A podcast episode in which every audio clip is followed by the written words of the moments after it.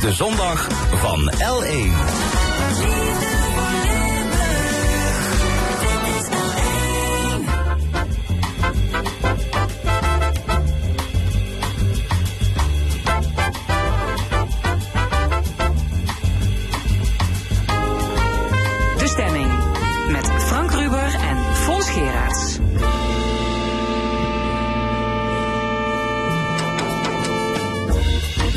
Welkom bij de stemming. Vandaag de volgende onderwerpen.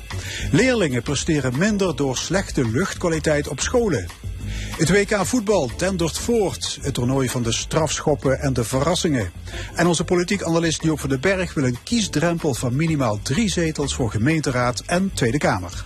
Het middelbaar beroepsonderwijs moet weer een aanzien stijgen. En daarom steekt het kabinet 4,5 miljard euro in het MBO. In de tweede uur aandacht voor onderwijs en vakmanschap.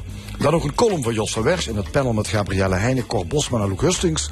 Discussieert over de crisis bij de voedselbanken en andere actuele zaken. Tot één uur is dit de stemming. Leerprestaties van kinderen hebben te lijden onder slecht geventileerde klaslokalen. Dat blijkt uit een onderzoek van de Universiteit Maastricht. Dat is uitgevoerd op Limburgse basisscholen. Een niet goed geventileerd lokaal kan dus betekenen geen HAVO- of VWO-advies. En aangezien één op de drie scholen geen fatsoenlijk ventilatiesysteem heeft, is deze uitslag nogal alarmerend. We gaan erover praten met hoogleraar en onderzoeker Piet Eichholz en met Richard Crouchel, directeur van scholenkoepel Movare. Welkom beiden.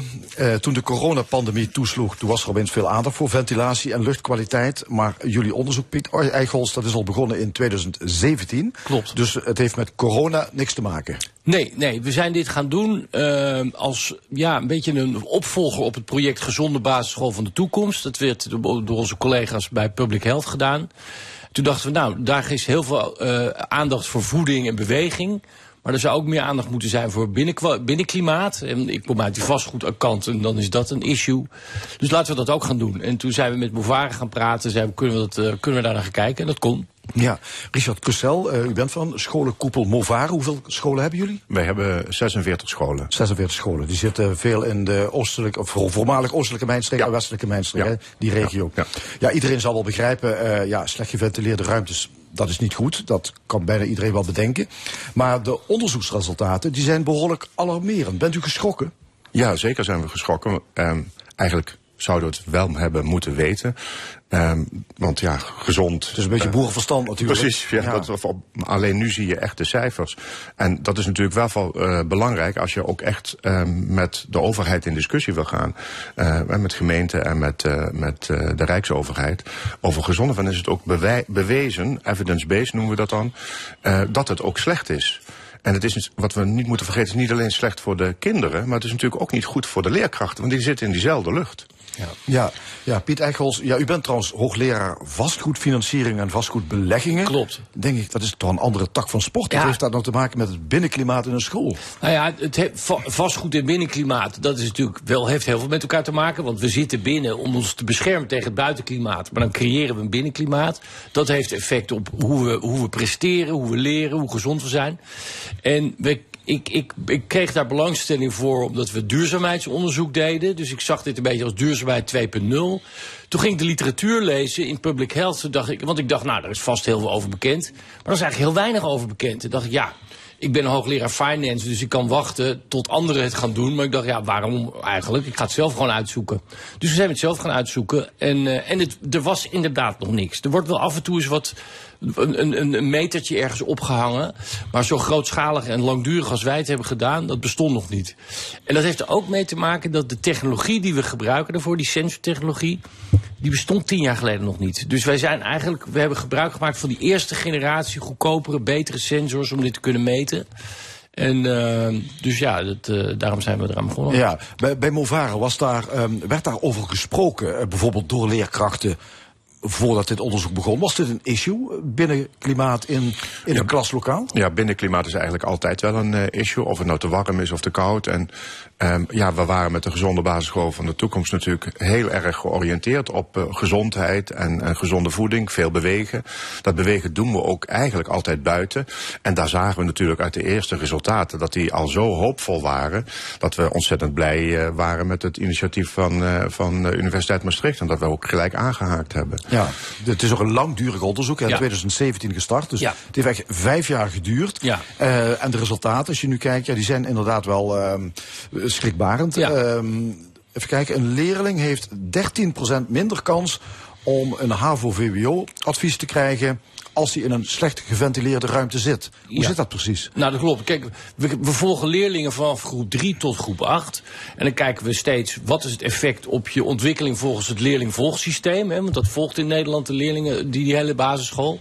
En dan kunnen we kijken als een leerling dan in die periode voor een zo'n toetsperiode in een een slecht geventileerd lokaal is geweest, heeft dat effect op toetsresultaten. Nou, dat blijkt als, de, uh, als, de, als het CO2-niveau verdubbelt, dan zijn de toetsresultaten 20% lager. Dat is het slechte nieuws. Het goede nieuws is dus ook, als je het CO2-niveau weet te halveren, oftewel de, inflatie, de, ventilatiekwaliteit weet te verdubbelen, dan gaan de toetsresultaten 20% omhoog. Dus je kan dit ook vertalen als, oké, als we een investeringsprogramma gaan doen om die ventilatie te verbeteren en dat CO2-niveau naar beneden te krijgen, dan zal dat de toetsresultaten ook verbeteren. En dat is natuurlijk waarom we dit ook doen, om dit op de agenda te zetten. Want het is precies wat je in het begin in je inleiding zei, het is boerenverstand. Maar als het bewijs er niet is, dan kan het beleid altijd zeggen: ach ja, dat, is, zal, dat zal zo vaak niet lopen. En uh, het maakt allemaal niet zoveel uit. En dat, dat, dat. Nee, het maakt dus heel veel uit. Ja, dat, dat, dat, daarom zijn we nu ook naar buiten om wat te veranderen. Ja, dat is aangetoond. Uh, overigens, het effect is groter op oudere leerlingen, ja. dan hebben we het in de basisschool over groep 7, 8, mm -hmm. dan, um, dan die jongere leerlingen. Dat zijn overigens de leerlingen die dus die keuze moeten maken hè, voor het middelbaar beroeps, eh, voor, voor, sorry, voor het vervolgonderwijs. Ja. Waarom worden die oudere kinderen, waarom worden die meer geraakt door slechte luchtkwaliteit? Weten we dat? Dat weten we eigenlijk niet. Nee, daar kan ik niet antwoord op geven. Hè. Je kan bijvoorbeeld zeggen, nou ja, misschien, misschien is het zo dat uh, die jongere leerlingen min, min, he, minder CO2 produceren. Maar ja, dat, dat, dat zal het denk ik toch niet zijn. Dus daar kunnen we niet echt antwoord op geven. Weten we niet, nee. Uh, en die, uh, de resultaten die, uh, die zijn trouwens nog slechter, blijkt, dan de resultaten door corona... Uh, door de ja. sluiting van scholen met corona. Hè. Ja. Daar lopen leerlingen ook achterstand op. Maar dit is eigenlijk dit is veel ernstiger. Ja. Dat is het ook. En dat is ook de reden waarom wij uh, in een studiedag met uh, de Universiteit Maastricht, alle directeuren van onze scholen, bij elkaar zijn geweest om na te denken van, tuurlijk, er moet geld bij komen. Dat is ook de kreet die de PO-raad nadrukkelijk bij de minister heeft neergelegd. 732 miljoen, nou, er is nog geen cent vrijgemaakt. En dan 732 miljoen langjarig om de scholen op niveau te, alle, alle scholen op niveau te brengen.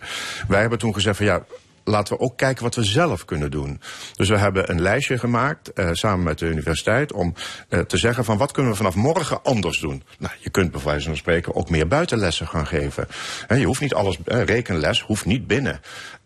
dat kun je gewoon lekker op de speelplaats doen. En zo op een andere manier kijken naar onderwijs, waardoor het ook wat bewegelijker. Dat sluit ook helemaal nou, aan bij de gezonde basisschool van de toekomst. Dat kun je ook als school zelf doen. Exact. Ja. En dat betekent ook, hè, een van de dingen die we vergeten, is dat we het klaslokaal openzetten. Dan zetten we de ramen open. En vervolgens gaan we naar buiten, sluiten we de deur achter ons. Dat betekent geen doortochteffect. Terwijl als je het op de gang ook openzet, krijg je een doortochteffect en heb je veel snellere luchtverversing. Je zou ook kunnen kijken, hebben we gezegd, van ja, dat klinkt dan een beetje als uh, intensieve kindhouderij. Hè? Maar de oudere kinderen stoten, zoals Piet ook al net zei, meer CO2 uit. Misschien moet je kijken van welk klaslokaal is beter geventileerd, zodat je daar de oudere kinderen neerzet. Nou, zo zijn toch wat dingen die je echt met elkaar kunt doen. En ja. daar hebben we ook gevraagd van, uh, wat hebben jullie nodig aan de directeur om je bewuster te zijn? Want nu, uh, dat heeft de uh, OCMW wel geregeld, dat er in ieder klaslokaal een CO2-meter is. En wat doe je dan? als je ziet dat die oranje wordt. Eh, is dat van, oh ja, hij is oranje. Ja, of, ga je handelen? Exact. Ja, het is overigens vooral rekenen en begrijpend lezen, Ja. waarbij de onderzoeksresultaten eh, heel slecht zijn als er een slecht binnenklimaat is in een klaslokaal.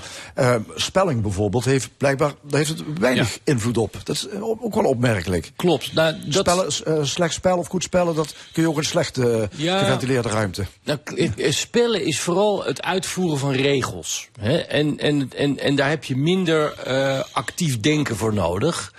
Ehm, natuurlijk is spellen niet onbelangrijk, is buitengewoon belangrijk. Maar ik denk voor de toekomst eh, en het vervolgonderwijs van leerlingen zijn juist begrijpend, lezen en rekenen zo ontzettend belangrijk. En daarvoor moet je je hersenen op een wat meer geavanceerd niveau gebruiken. Want dat is niet het vo- uitvoeren van regels, maar logisch redeneren en, en, en dat soort dingen meer. En patroonherkenning, dat zijn ingewikkeldere processen. Dus juist op die ingewikkelde processen heeft het meer effect. Ja, hoe hebben jullie dat onderzoek eigenlijk gedaan? Ik hoorde al, eh, er, is een metertje in de klas eh, gehangen. Ja, kijk, de metertjes die er nu hangen, die, die vanuit OCMW komen, die geven na, nadrukkelijk een signaal aan de docent van joh, er is iets mis, je moet iets doen. Onze meters waren echt eh, meters die juist helemaal geen signaal gaven, geen lichtje, geen geluid, niks. We wilden alleen maar meten en we wilden niks veranderen in de klas. We wilden niet dat de docent iets ging veranderen, want we wilden weten hoe het is. Dus dat zijn eh, ja, meters van een Amerikaans bedrijf. Het, zijn, ja, het maakt niet uit hoe ze eruit zien. Maar die doen helemaal niks, zijn gewoon grijze Ja, kastjes. Maar die registreren de CO2. eh, CO2, waarde. luchtvochtigheid, fijnstof, licht, geluid, et cetera. Al die andere dingen blijken geen rol te spelen. Het is puur de CO2 en dan niet zozeer de CO2 zelf, maar meer de CO2 als indicatie van de kwaliteit van de ventilatie. Ja, en ik, ik las in het onderzoeksrapport eh 988 ppm, dat is het gemiddelde. Mm, Ja. ja. En, en er was een piek van 1495 ppm. Ja. En de norm is 1200. Dus Ja. Nou, kijk, ppm betekent parts per million. Dus in lucht zitten allemaal moleculen. En eh, een deel van die moleculen, een heel klein deeltje dus eigenlijk maar, is CO2. Want het, moet- hè, dus het gaat maar om ja, dus, eh, eh, 900 of, of 1000. dus die CO2 per komt door, ademen. Komt die in. Die, ja, die produceren we door ademen. Hè. In de buitenlucht is CO2-niveau 412. Daar maken we ons nu zo zorgen over met, eh, met de, de klimaatverandering. Maar binnen is het CO2-niveau dus veel hoger, omdat we ademen. En, eh, ja, en als er dan heel veel kinderen in zo'n klaslokaal zitten, kan dat heel erg eh, uit de hand lopen. Ja. En we zien dus een gemiddelde piek van 1500. Dus dat is ongeveer nou, drie, vier keer zoveel hoog als het buitenniveau. Maar we zien maximaal pieken van 4500. Dus dat is echt wel een stuk hoger. Dan weet je dat het goed mis is. Ehm, weten jullie trouwens zeker dat de resultaten van die leerlingen... dat die beïnvloed worden door de slechte luchtkwaliteit? Er kan ook iets anders gebeuren in de loop van een jaar. Ja, er kan een, misschien een andere docent komen die het beter aanpakt. Ja. Eh, er kan misschien een nieuw eh, whiteboard komen. Waar, of, of nou ja, er kan stof herhaald worden. Dus ik kan me voorstellen dat er van alles gebeurt. Ook andere factoren zijn. Tuurlijk. Die nemen we natuurlijk allemaal mee in, het, eh, in de studie. Dus we controleren voor dat soort technologie. We controleren voor de kwaliteit van het lokaal in andere opzichten dan lucht. We controleren voor de leraar. Ehm, eh, en heel belangrijk, we, we vergelijken niet verschillende leerlingen met elkaar. Want dan zou het kunnen zijn dat leerlingen van een sociaal-economisch zwaardere achtergrond het slechter hebben dan leerlingen die uit een rijker gezin komen. Ja, dus dan is dat het effect. Of dat scholen die in zo'n buurt staan het moeilijker hebben. Nee, we kijken de naar de leerling zelf. Dan zeggen we, oké, deze leerling heeft in deze periode in een goed lokaal gezeten. In de volgende periode in een slechter lokaal. Puur wat betreft ventilatie. Wat doet dat met het leerlingvolgsysteem van die leerling zelf? Dus we vergelijken de leerling met zichzelf en niet met de anderen. En dan kom je tot die conclusie dat Ja. slechte luchtkwaliteit... dat het wel degelijk van invloed is, van grote invloed is... op de leerprestaties van kinderen. Exact. Ja. Eh, Richard Crucel, eh scholenkoepel Movare. Ehm, de scholen van Movare die zijn eh, 25 jaar oud gemiddeld? Gemiddeld, gemiddeld 25 jaar oud, ja. Ja. ja. en ik las dat 30% van alle scholen in, eh, in Nederland... daar werkt het ventilatiesysteem niet goed. Ja. Dus dat is bij jullie ook zo? Ja, dat is bij ons ook gedeeltelijk zo, ja. We proberen er alles aan te doen. We hebben nu ook in het kader van, eh, van corona een activiteitenplan. Hè, met, we moeten natuurlijk geld ervoor Ja. reserveren. Ventilatiesysteem is niet het raam openzetten. Dat is iets anders. Nee, nee, nee. Ja, en dan ook nog kijken dat het ook echt opengezet kan worden. En het mooiste is natuurlijk als je een kiepkantelraam hebt, zodat het ook van bovenuit ververst Maar dan moet er aan de andere kant ook wel een beweging in gang gezet worden. Maar dat is toch eigenlijk wel schrikbarend dat er één op de drie scholen dus inderdaad het ventilatiesysteem gewoon niet goed werkt. Ja, maar daarom wordt er ook langjarig 735 of 32 miljoen is het geloof ik gevraagd van OCMW om dat te investeren in schoolgebouwen. Ja, en, ja. want aan 50% van de scholen lees ik ook die is, is toe aan renovatie of nieuwbouw. Ja, Wij bouwen niet echt duurzaam eh, wat betreft scholen in Nederland. Nee, nou, het, is een, het is een oudere scholenvoorraad. En dat is natuurlijk een beetje het probleem. De gebouwen zijn van de gemeente. En de gemeente, ja, die, moet, die het geld aan heel veel dingen uitgeven. Die moeten de ouderenzorg, de jeugdzorg, de sport, de dit, de brandweer, noem maar op.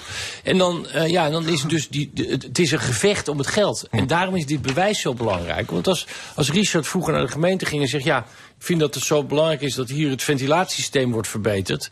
Zegt de gemeente, ja, ik heb ook nog heel veel andere prioriteiten voor dit geld. Maar nu kan hij zeggen, oké, dan gaan de kinderen van uw stemmers, uw kiezers, die hebben een 20% lagere toets en 13% lagere kans op VWO-HAVO. Dus, ga maar, dus met dat bewijs heb je een veel betere discussie met de gemeente en het Rijk. Ja, en intussen kunnen scholen dus ook wel zelf iets aan de hand van dit soort onderzoeken. Dat zei u al. Uh, je kan buitenles geven, je kan bepalen wanneer je in een klaslokaal gaat en wanneer niet. Met welke leerlingen. Van de andere kant, ja, er moet dus ook geld bij om dit probleem aan te pakken. Ja. Uh, is dat geld er? Nou, ik denk het wel. Uh, kijk, als je uh, kijkt bijvoorbeeld uh, het geld wat er in, de, in die. Hè, we hebben, de overheid heeft gezegd. We zien een achterstand in leren door, door corona.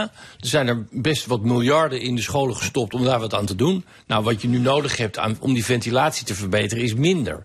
Dus um, dus het eerste antwoord. Tweede antwoord is: het is allemaal een kwestie van prioriteren. En daar is de politiek voor. Politiek prioriteert voor ons waar we het geld aan uitgeven. Ik denk dat dit zo ontzettend belangrijk is. Ook om tweedeling in de samenleving te voorkomen. Het, dit is eigenlijk de allerbelangrijkste uitgave die we doen in het leven van een mens. Is, is, is die, hè, zorg dat je die kinderen goed door die basisschool heen krijgt. De basisschool is het allerbelangrijkste moment voor het leren. En wij op de universiteit vinden onszelf ook best belangrijk. Maar wij zijn alleen maar de kerst op de taart. In de basisschool gebeurt het. Dus daar moet het goed voor elkaar zijn. En ik vind dus dat dit echt een hele hoge prioriteit zou moeten hebben. Nou ja, onderzoek. Ja, en heel veel, uh, wat we duidelijk zijn, heel veel gemeenten zijn ook in heel erg goed overleg met ons, omdat we ook een rolverandering van de school zien. aan de ene kant wordt de kerk afgebroken en aan de andere kant wordt dus eigenlijk gezocht naar een nieuw verbindend element. En er worden heel veel scholen, daardoor brede maatschappelijke voorzieningen enzovoort. Maar we moeten toch met elkaar proberen, en gelukkig zijn we goed overleg met veel gemeenten, om te kijken hoe je dan tijdelijk maatregelen kunt nemen op een verouderde installatie, om toch in ieder geval die eerste aanzet te geven. Ja, nou, het onderzoeksresultaat ligt er nu. Dat is ja. uh, goed voor jullie. Uh, dank jullie wel. Piet Eichholz van de Universiteit Maastricht en Richard Pussel van scholenkoepel Movare. Piet, wat vind je trouwens van dat binnenklimaat hier bij L1? Het, het, het, voelt ongelooflijk fris aan. Dus ik denk dat jullie het hiervoor goed voor elkaar hebben. Wat natuurlijk wel is, we zitten hier in een ruimte met heel veel kubieke meters met ongeveer 10 mensen. Dus okay, dat is dus het CO2-gehalte valt nog. Valt, nog mee. Ik heb een metertje niet bij me. Niels heeft alles een metertje ja. bij me. Vorige keer neem je het mee. Ik nee, dus oké, okay, Fons, dankjewel. Goed zo.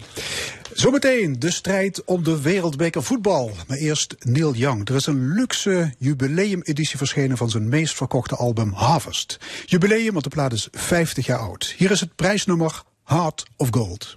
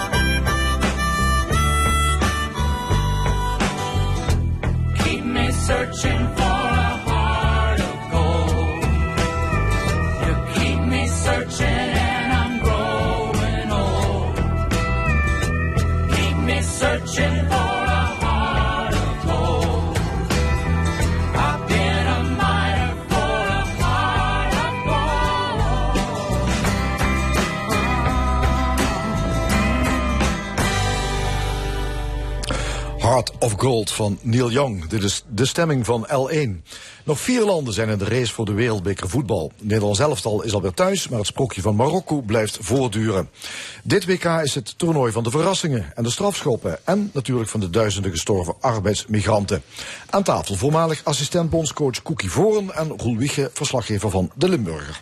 Heren, welkom. Ja, mogen we dat zo stellen? Is dit het WK van de verrassingen en van de strafschoppen?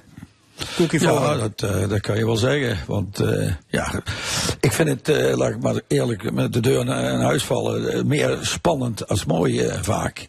Maar dat komt inderdaad door die verlengingen en door de strafschoppen, ja. Ja. Maar qua voetbal, ja, houdt het voor mij toch een beetje, ja, een beetje teleurstellend. Het toernooi valt tegen. Ja, voor de mij valt het een spelkwaliteit te- is wat Ja. magertjes. Roel Wiege mee eens? Ja, dat kan ik wel, kan ik wel goed volgen. Ik moet zeggen, ik ben zelf ook een beetje een emotiekijker. Dus ik, ik, ik vind spanning ook wel, ja, eh, ook wel iets waar je, waarvoor je naar een WK kijkt. Niet alleen de kwaliteit. Misschien kijkt Koekie daar iets meer eh, vanuit het trainers oogpunt naar. Maar goed, ik, ik vind het vooral, eh, ja, dus geen goede kwaliteit, maar wel innoverend. hè. Ik heb eigenlijk innoverende wedstrijden gezien. hè. Ja. Het Nederlands elftal ligt eruit. Twee gemiste penalties. Daar is een jaar op geoefend. Cookie Voren, heeft dat enige zin? Ja, ik, dan moet ik wel lachen als ik, dat, als ik dat hoor weer. Want ja, daar kan je niet op trainen. En je hebt heel veel van die praatprogramma's wat ze het al eh, gezegd hebben eigenlijk. Daar is namelijk niet op te trainen. Je kan bijvoorbeeld wel trainen op vastigheden. En dan vergelijk ik het altijd met een tennisspeler die bijvoorbeeld de service anderhalf uur traint. En, en die de bal altijd binnen, eh, binnen het lijntje eh, kan eh, plaatsen. En dat is met het voetbal precies Ja, hetzelfde. je traint op techniek. Je traint op techniek en op, op de hardheid en, en, en de zuiverheid kan je op trainen. Maar je kan nooit, nooit de spanning en, en dat, dat, dat, daar kan je niet op trainen. Dat, Nee. dat is maar nou het wordt wel allemaal enorm wetenschappelijk aangepakt. Ja, nou, dat- Terwijl ja. het gewoon een momentopname is. Hè? Heb je de zenuwen onder controle of niet? Ja, dat- Raak je de bal fatsoenlijk of niet? Ja, dat, dat, dat begint het ja. Dus ja, daarvoor zeggen, ja, dat met- wetenschappelijk op trainen, ja, ik vind het een beetje overdreven allemaal.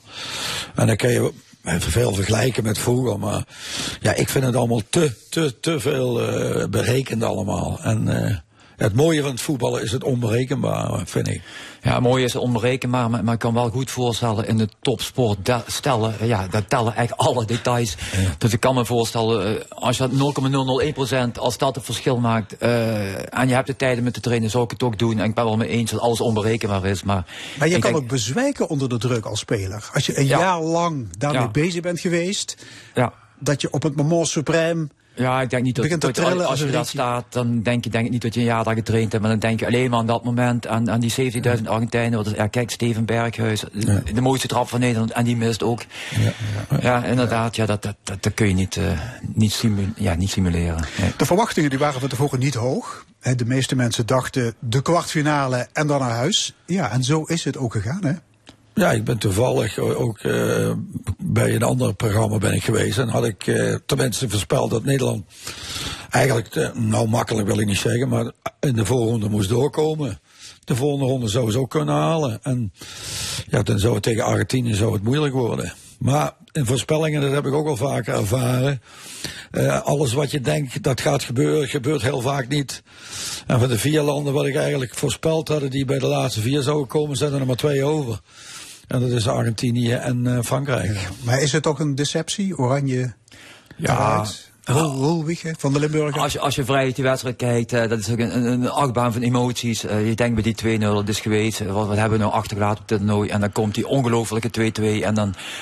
ja, wat op een invalbeurt van die weghorst. Ja, de, de, de, de- Toch? eigenlijk is dat. eh, Kijk, eh, we hadden het van tevoren nog even over. De, de, de helden die, die opstaan. Hè, Virgil van Dijk, eh Frenkie de Jong, eh Memphis Depay, die staan niet op. En zeg maar de anti-held, wat is Wout Wijkels toch. ik heb hem ooit zien invallen tegen eh, uit bij Emmen. En, en die jongen staat nou bij WK kwartfinale. Ja, die, die maakt dan het verschil. Eh, en ik denk ook dat je op dat moment het momentum had moeten pakken. En in die verlenging zo met hart en ziel had moeten door. En alle tactiek overboord eh En dat hebben ze niet gedaan. Ze hebben toch gegokt op die strafschoppen. Ja, we hebben het net over gehad, één jaar wetenschappelijke benadering. Misschien had je dat niet moeten doen en die eerste verlenging op die wijze. Want die- Argentijnen, dat was een mokerslag. eh. je zag ook Messi bij het begin van die verlenging ja, eh, praten met die scheidsrechter. Was gefrustreerd. Dat, dat momentum had je moeten pakken. Ja, maar ze begonnen pas te voetballen toen ze met 2-0 achter stonden. Nou, ik ben, het helemaal, ja, ik ben het helemaal met Roel eens, wat hij zegt. Klopt. Ja, ze zijn inderdaad pas beginnen te voetballen. En dan moet ik het hele toernooi van Nederland zeggen. Ze, ik vind dat Nederland een paar hoogtepunten heeft gehad. En dat was tegen de goals tegen de Verenigde Staten. waren fantastische goals. En een kwartier hebben ze goed gevoetbald tegen Argentinië. En that's ben- it? En that's it? ja, ik vind dat dat het is, ja. Maar ik ben het 100% met hem, met hem eens. Als je, als je voelt dat een tegenstander, ja, ze- vergelijken we met een bokser, dat je denkt, goh, maar elk ogenblik kan ik hem KO slaan. En dat was het moment, eh, direct na de, na de begin van de verlenging, had je inderdaad door moeten drukken, lef moeten tonen. Wat het Nederlands voetbal eigenlijk moet hebben, aanvallen en een, beetje opportunisme was het wel. Maar ze hebben daar eh, die twee goals door, door gemaakt. En ik denk dat alle kans was geweest om 3-2 te Ja, maken. Dus heeft Van Gaal gefaald als Nou, als gefaald- coach? gefaald wil ik je- niet je zeggen. komt nu met karrevrachte kritiek. Je had het zo moeten doen, zus ja. moeten doen. Ja, maar goed, dat is, dat is ook vaak. De, de, ik, ik, ik zat vrijdag die wedstrijd te bekijken in de kantine met alle jongens. En dan zeggen ze: Oh, is Nederland slecht en dit en dat. En eh, die, die kwartier dat ze goed gevoetbald dan was het in één keer uitstekend. En dat geldt voor een trainer precies hetzelfde zo. Kijk, als je, als je die wedstrijd wel wint, dan, dan denkt iedereen er weer anders over. Want, want zo simpel is het. En eh, ja, ik blijf zeggen, die, die wetenschap ook. Pak even de keeper erbij. Eh, ha- Hartstikke goed toernooi gespeeld, die jongen. En bij de eerste penalty van, van Messi in de wedstrijd zelf, blijft hij eigenlijk gewoon staan. En dan denk ik, ja, wat, wat, doet Hij dacht is hij daar nou recht- dat hij recht dat hij recht dacht door zou schieten, ja. Ja, ja. Ja. dat denkt hij, ja. Maar ja, dat, daarvoor zeg ik, wetenschappelijk is dat niet, niet te trainen. Nee. Dan Marokko, de grote sensatie. Gewonnen van België, eh, Spanje uitgeschakeld. Gisteren Portugal naar huis gestuurd. Vijf wedstrijden gespeeld, geen enkel doelpunt tegen. Behalve een eigen goal. Ehm Roel Wiegen, wat is het geheim? Ja, ik denk dat dit toch het schoolvoorbeeld is van een ploeg eh, waar het, het collectief, het, het, het hart, eh, het, ja, alles wat je kunt verzinnen van, van, van, ja, ze noemen het zelfs strijders, hè, de leven van de ja, dat komt er nou allemaal uit. Kijk, als Nederland zo had gevoetbald als Marokko, dan hadden we karrekwart kritiek gehad, hè, eh, 25% balbezit tegen Spanje. Maar Marokko is de underdog, eh, een enorme verrassing, daar wordt er van geaccepteerd. En die, die spelers die groeien in dat toernooi, die, die, die, ja, je kan, elke wedstrijd ga je als de underdog binnen. Eh, zij, zij hoeven niet het spel te maken en ze hoeven te, ja, wat ik net zei, te strijden. En dat pakt geweldig uit. En dat, dat teamgevoel, ja, dit, dit is bijna een sprookje. Ik, denk hier bij Leicester City, hè, eh, jaren geleden in Engeland. Ook een kleine ploeg, ook collectief sterk. eh, en, en dan, ja, dan heb je het momentum, hè, heb, je, heb je mee. Eh, ja, De Marokkaanse bondscoach heeft ook veel lof toegezwaaid. Is Ja. dat terecht? Voor Ja. zover jullie kunnen beoordelen? Ja, dat denk ik wel. Ik bedoel, hij, hij is toch degene die. eh, je moet even terug naar Van Gaal. Hè. Die krijgt ook heel veel kritiek. Maar hij heeft ook in 2014 met een toch een redelijk matige selectie eh, een derde plaats. Nu ook met Oranje, waarvan ik denk, het is niet meer een subtop. Ja, allemaal toch de kwartfinale. En dat zie je bij Marokko ook. Als je op een WK eh, een goed team kan, kan, kan smeden, is dat misschien meer waard dan de uitblinkers echt laten, laten gloriëren. Dat was ook wel in 2010, denk ik, Koekie met jullie. Ja. Ja, dat, vind ik dus ook. eh, en ik moet eerlijk zeggen, ja goed, als je Van Gaal eh, krijgt nou natuurlijk nou alles in één keer over zich heen. Maar het is wel een echte manager die die, die die jongens wel voor zich wint. En ik, ik zie dat bij Marokko precies hetzelfde. En nou hebben de, ja denk ik, dat zit ook een beetje in de landsaat van de Marokkanen natuurlijk. Die hebben een bepaalde eergevoel. En als je daar goed op weet in te spelen.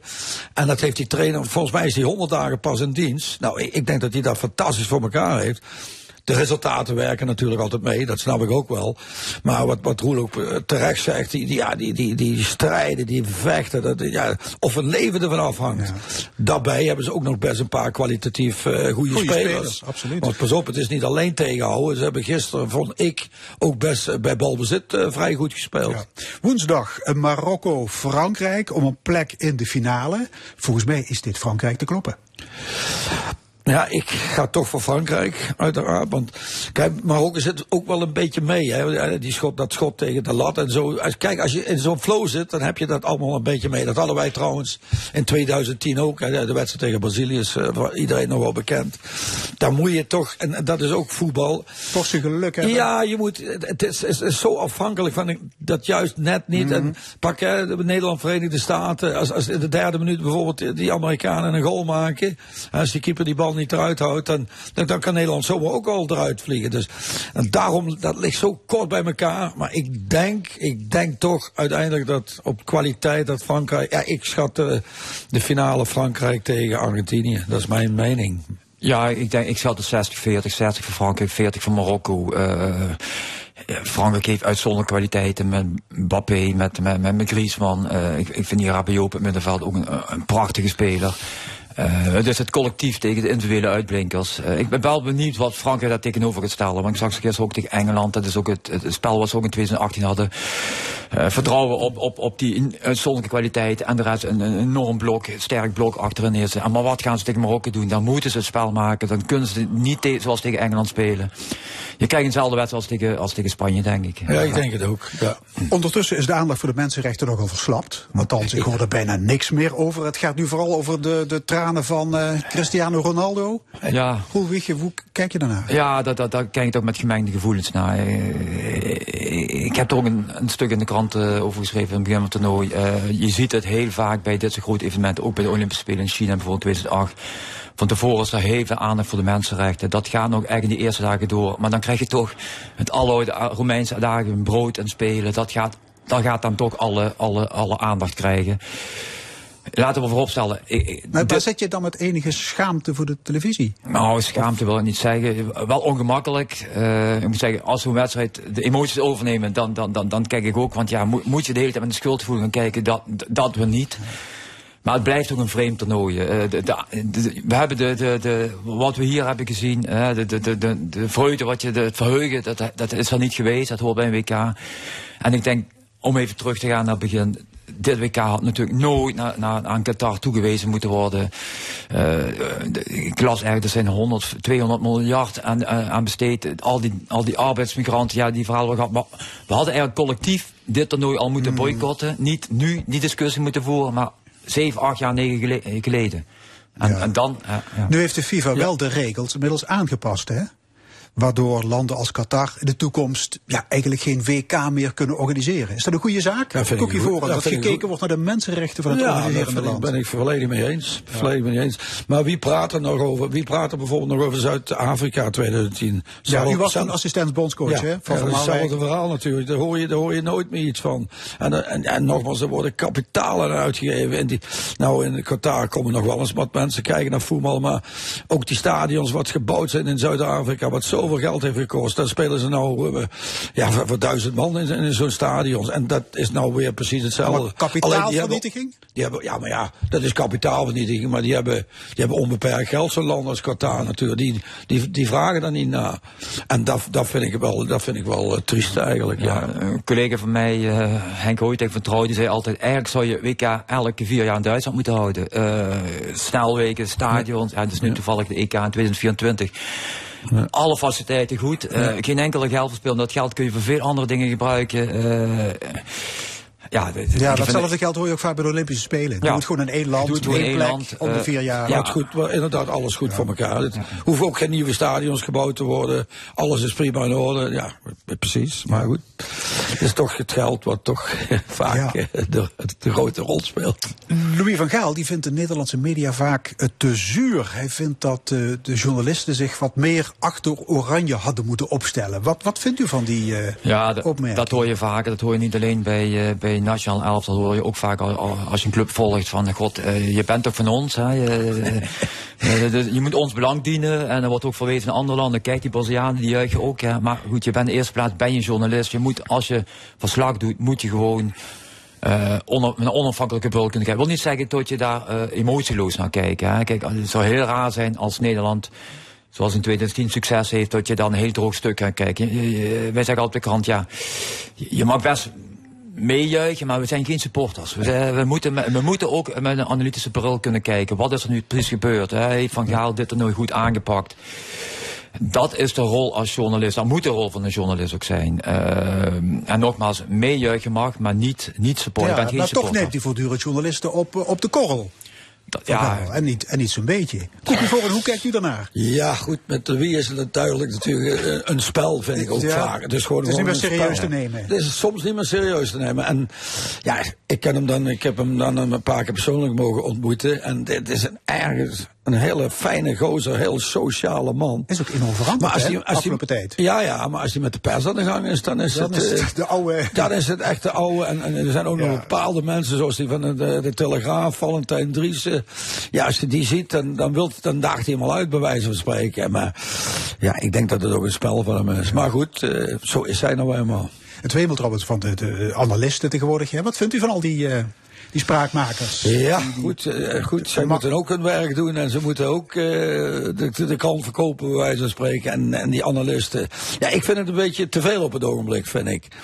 En eh, sommige zijn van goede kwaliteit, maar er zijn ook een hoop, ja, ja, die, die, ja, die, die, die, ja wat, wat, die, wat die zeggen, dat slaat eigenlijk op niks. Maar ja, ze, het wordt wel verkocht, hè. Pa- hè, pak maar Johan Derks en, die, en, die, en, en Van der Gijpen. Het wordt, toch wordt het Ja. meeste naar gekeken. En ook vaak harde noten hè? Door Van Basten, door... Nou, ik, ik, zeggen, ik vond Van Basten Vaart. een, een verademing. Ik, Ja. ik, eh, ja, eh, er wordt wel eens gezegd, ja, in het begin van van, goed, Marco, die, die, die, die zegt niet veel, maar ik, ik, ik moet toch van terugkomen. Ik vind hem eigenlijk eh, hele goede analyses geven. Eh, Ook, op de, ook zonder emoties, ook kritiek, juiste kritiek. En even terugkomen, ja, daar, daar hecht hij ook veel meer waarde aan dan als er iemand aan tafel zit. Hij zit ook wel eens eh, gisteren Herman Brusselmans. Ja, heel, heel erg leuk.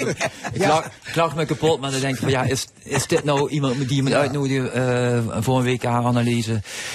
Ja, daar- kun je, daar mag iedereen zijn eigen gedachten bij hebben. Maar, maar Van Bas heb ik echt zeer gewaardeerd. hè. Ja. Ja. En ik vind eh, ook eh Raffel van der Vaart, ja goed, eh, omdat ik dan persoonlijk goed met hem kan omgaan. Maar die, die brengt ook nog een bepaalde, een beetje, ook een bepaald beetje humor erin. En, Op een leuke manier. En toch verstand van voetballen. Maar ik ben het ook heel, helemaal mee eens met Roel. Die van Basten maakt mij een enorm goede indruk, ja. Gewoon rustig analyseren. En gewoon wat er gebeurt en wat, wat, wat, wat er speelt. Ja, dat zegt hij. En zo, ja, eigenlijk hoort het ook zo. Komende zondag, de finale. Ehm, wie gaat er met de wereldbeker vandoor? Roel Wiegje? Eh, Ik heb toch even een een geheim favoriet, dat is Kroatië. Eh, ja, Kroatië, daar, heeft, daar hebben weinig het over. Hè. Ze zijn wel gewoon fietsen wereldkampioen, dat vergeten mensen. Ze hebben het team eh, voor een deel bij elkaar weten te houden. Ze, ze hebben, eh, ja, eh Modric en schitterend spelen Perisic. Eh, ik, ik, ik ga voor Kroatië gewoon. Ik ga voor Argentinië. Eh, en dan met name zeer onsympathiek tegen Nederland na de wedstrijd vond ik. Vond het echt een beetje, nee, dat was, was niet meer leuk. Je, kent, eh, zoals gisteren Frankrijk, Engeland, dat was sportief na de wedstrijd. Die troosten elkaar, die jongens. En Argentinië was een beetje uitdagend. Maar ook Nederland ook, eh, laten we dat niet, niet wegvlakken. Maar uiteindelijk denk ik toch dat Argentinië gaat winnen. Want die hebben dat, die, ook die strijders erin. En met toch een aparte Messi die alleen maar wandelt. Maar als die aan de bal is, is die toch elke keer weer beslissend. Oké, Argentinië of Kroatië. We gaan het zien. Hartelijk dank, Roel Wiegje van de Limburger en voormalig assistent bondscoach Dick Voren. Graag gedaan. Partijen die drie zetels of minder halen bij verkiezingen zouden eigenlijk niet moeten worden toegelaten tot de Tweede Kamer. En daarom moet er een kiesdrempel komen. Politiek analist Joop van den Berg legt zo meteen uit waarom hij dat belangrijk vindt. Maar nu eerst What Fun met The Right Side One.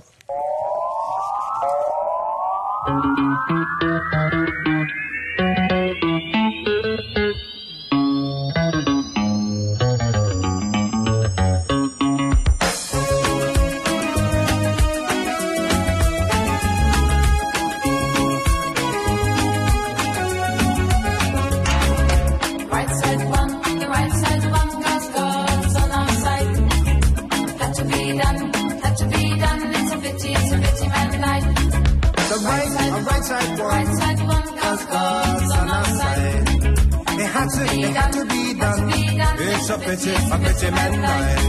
We cannot, we cannot allow that reason that's be hard.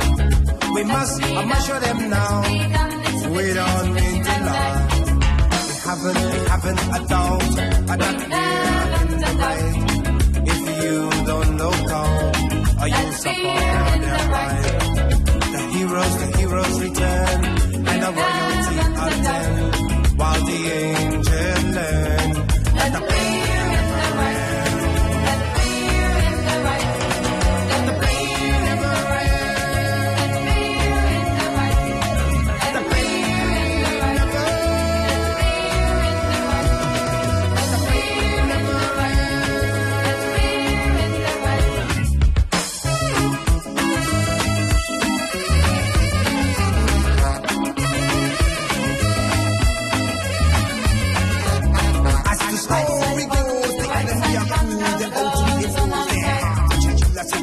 Amiga.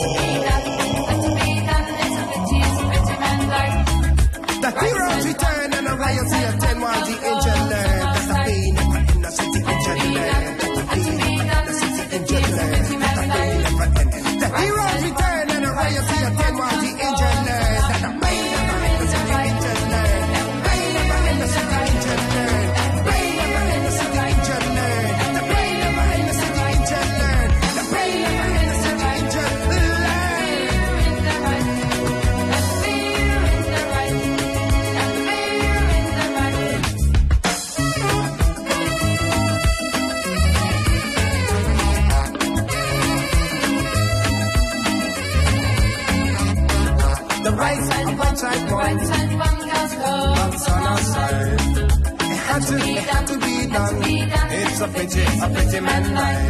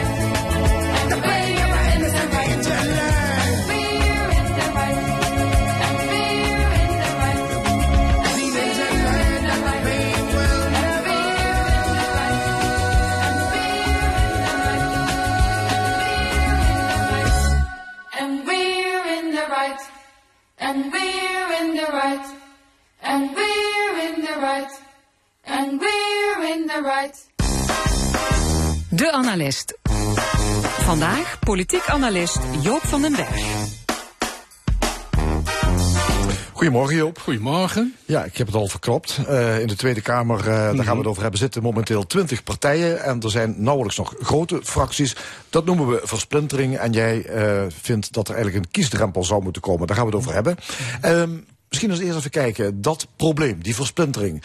Is dat iets exclusief Nederlands? Nee, dat is om te beginnen niet exclusief Nederland. Je ziet het in eh, vrij veel landen.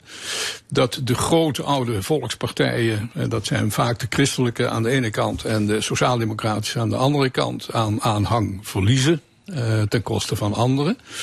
Je ziet die, eh, die, die, die fragmentatie zie je ook bijvoorbeeld in de Duitse Bondsrepubliek, waar eh, heel lang na de Tweede Wereldoorlog maar drie partijen bestonden. Ja, dat was heel overzichtig gekend. Ja, Politieke Duits, landschap in Duitsland. Ja. En het zijn er nu zes die alle zes ook van betekenis zijn. Dat, Ja. eh, maar het probleem van, van versplintering, denk ik, moet je in zoverre uit elkaar halen. Er is versplintering aan de bovenkant en aan de onderkant. Wat bedoel ik daarmee? Aan de bovenkant zie je het, ja, het verdwijnen, en bij ons is dat nogal sterk, ook internationaal vergeleken, van grote partijen. Hebben we eigenlijk amper meer. De grootste is nu de VVD met in de 30 zetels, terwijl dat vroeger ergens in de 50 was. Ehm, en dat kun je ook het beste zien eh, aan eh, eh, de coalitiemogelijkheden. Want in 1977 bijvoorbeeld, dat is dan weer bijna 50 jaar geleden intussen, maar goed. Eh, toen waren drie partijen goed voor 130 zetels. En er konden ook diverse coalities gesloten worden met een op zich stabiele eh, aanhang. Eh, nu eh, heb je eh, eh, 75 zetels voor de drie grootste partijen. Dat is dus eh, bijna de helft. En dan bovendien is daar nog één partij bij met wie niemand wil samenwerken. Hè, de PVV. Eh, want trek je het terug op eh, partijen die wel eh, willen, de- ja, dan eh, kom je ergens op 68. Dus Ja. eh, daar zit echt een probleem. En dat los je, zeg ik er maar meteen bij, met een kiesdrempel natuurlijk niet op. Nee. Want eh, eh, dat zit aan de, aan de onderkant. Maar dat is een tweede vorm van fragmentatie. Eh, aan de onderkant, in 77 hadden we ook al heel wat kleine partijtjes, moet ik erbij zeggen. Dat werd geleidelijk gelukkig een tijd minder, maar het is nu weer, eh, zit weer op, eh, wat is het? eh, 20 geloof ik hebben we er ja, nu. totaal. Ja. maar 17 eh, Ja. verkozen, want Ja. 20 zijn door afsplitsing ja, ja. ontstaan. Maar dat, dat er veel partijen zijn in de Nederlandse Tweede Kamer, dat is natuurlijk Dat is geen nieuw altijd, dat is verschijnsel. niet nieuw. Nee, dat is op zichzelf geen nieuw verschijnsel. Het vervelende is alleen dat het bestaan van zo'n zes, zeven hele kleine partijtjes eh, nu schadelijker werkt dan 50 jaar geleden. En waarom? Omdat die grote partijen niet meer in staat zijn zoveel stabiliteit in het werk van de Kamer te brengen, dat het aantal van die kleintjes er eigenlijk niet zoveel toe doet. En je moet je realiseren, het echte werk, dat zien mensen eigenlijk nauwelijks, eh, en dat snap ik ook, vindt plaats in de commissies. Eh, en als je daar met te veel, te, kleine fracties werkt, ja, dan eh, wordt het ongelooflijk onoverzichtelijk. Die discussies lopen ook vaak moeizaam. Het enige wat je kan hopen, maar ja, eh, als je erover nadenkt, is het te treurig voor woorden, is dat de helft van die kleine fracties niet opkomt dagen. Ja. Dat gebeurt trouwens ook hoor. Ja, je hebt dus eigenlijk, verspl- eh, de, die versplintering heeft dus eh, twee vormen. Ja. De grote partijen, die zijn niet meer groot, die worden steeds kleiner. Die worden kleiner. En er komen steeds meer fracties Ja. in die. Tweede Kamer. Dat zijn de, beide de problemen. Ja, je moet erbij zeggen, die grote fracties zouden veel aan hun kracht kunnen doen door allianties te vormen. Eh, door niet zonder meer naar fusie te streven, want eh, dan krijg je toch weer nieuwe eh, afwijkelingen. Maar door eh, vaste allianties te vormen, links zou dat kunnen doen. Ja, links, links gaat natuurlijk. Althans, gaat het nu proberen PvdA met en GroenLinks GroenLinks en willen gaan samenwerken. Nou, je ja. zou hopen dat de SP zo verstandig was om mee te doen. Maar dan kan je inderdaad kracht vormen. Tot op zekere hoogte gebeurt dat ook wel. Maar de andere partijen zouden iets vergelijkbaars kunnen doen. Ehm, bijvoorbeeld CDA met andere christelijke partijen. Zeker nu het CDA zelf nogal klein eh, geworden is, kan ze daar weer kracht aan ontlenen. Maar dat, een drempel helpt dan niet. Dat doet wel met kleine eh, partijtjes. Eh, die mm, nogmaals in een plenaire vergadering soms best een aardige bijdrage hebben. Daar gaat het helemaal niet om. Maar die er wel toe leiden dat er te veel fracties zijn die te weinig tegenkracht kunnen bieden tegenover het geweld, zal ik maar zeggen, van regering en van eh, ambtenaren die die regering ondersteunen. En dat, is, dat, is, dat vind je echt zorgelijk? Dat vind ik echt eh, het grootste probleem. Eh, De Kamer is zichzelf op die manier aan het marginaliseren. Ik bedoel, het wordt van steeds minder kracht en steeds minder betekenis. En kiezers zouden zich inderdaad ook de vraag moeten stellen. Moet ik niet toch liever kiezen voor een grote partij waar ik het vaak niet zo heel erg mee eens ben, eh, dan dat ik mij eh, geheel eh, volledig vertegenwoordigd acht. Alleen ik kan er niks mee. Eh, Ja. En dat is het, eh, het lastige daarvan. Ja, je zegt die grote partijen, ja, die zouden misschien eh, op bepaalde onderdelen misschien eh, meer moeten gaan samenwerken. Om eh, toch die, eh, die, die kracht te hebben om de regering goed te Mhm. controleren. Van de andere kant, eh, ik zei het al, jij bent eh, ook gaan nadenken over een ehm, kiesdrempel. Ja. Wat is dat? Een kiesdrempel is, eh, dan bepaal je dat eh, een partij een aantal zetels moet halen, of zoveel stemmen eh, als goed zijn voor een aantal zetels, voordat ze überhaupt in de Kamer kan. Nu is de kiesdrempel gelijk aan de kiesdeler. Dat wil zeggen, 1 150ste van eh het aantal stemmen is genoeg voor een zetel. Eh, en dan kom je er ook in ook. Ehm, Met een kiesdrempel zou je kunnen bepalen, bijvoorbeeld in jouw voorbeeld, Ja. dat je minimaal drie zetels moet Ja. halen. En Ja. dan kom je pas in de Kamer. Dus je kunt niet met één of twee zetels in die Kamer Nee, komen. precies. Dan moet je drie keer de kiesdeler halen. Eh, en dat is ongeveer 2 procent. Eh, en dan kun je met drie zetels ook de Kamer in. Ja. Eh, In Du- Duitsland bestaat dat trouwens, hè, zo'n systeem. Ja. dat- dus om het ja, voorbeeld daar er weer bij eh, te halen. eh, ligt het overigens veel hoger, want dan gaat het moet je over er 5 vijf voor hebben, procent. hè? Ja, Eh, ja. Als het bij ons 5 procent zou zijn, dan zou je minimaal acht zetels eh, moeten halen. En dan kom je toch een beetje, zeker voor het gevoel van Nederlanders, denk ik, in strijd met het principe van de evenredige vertegenwoordiging. Ja, want wij willen de- die Tweede Kamer toch ook zien als een afspiegeling van onze maatschappij. Dus Ja, als jij zeker. gewoon kiesdrempel bent, ja, dan mogen je daar dat, wel aan. Dat, dat moet hij ook zijn, maar eh, een Kamer is ook nog iets anders. Eh, een orgaan dat de regering moet controleren en daarvoor kennis moet mobiliseren en macht moet mobiliseren. Een parlement is, hoe je het ook bent of keert, een machtsinstrument. Ja. En eh, dan moet het ook macht kunnen vormen. En met alleen maar losse zeteltjes eh, lukt je dat eenvoudig niet. En omdat je met te veel en onvoorspelbaar geheel zit. En bovendien omdat je ook niet voldoende kennis kunt eh, mobiliseren. om inderdaad tegen een kabinet te zijn opgewassen. Ja, Joop, is er trouwens bij jou sprake van voortschrijdend inzicht? Want ik kan mij herinneren dat jij altijd tegen die kiesdrempel was. Mhm. Ik ben heel lang tegen geweest. Waarom? Omdat, eh, kijk, heb je weer die situatie van 77 of zelfs nog later. Eh, op zich eh, heb ik niet zo'n probleem met een paar eh, partijen met, met heel weinig zetels. Alleen, het zijn er nu vrij veel. Door afsplitsing, eh, wat een gewoon verschijnsel is geworden, worden het er nog meer.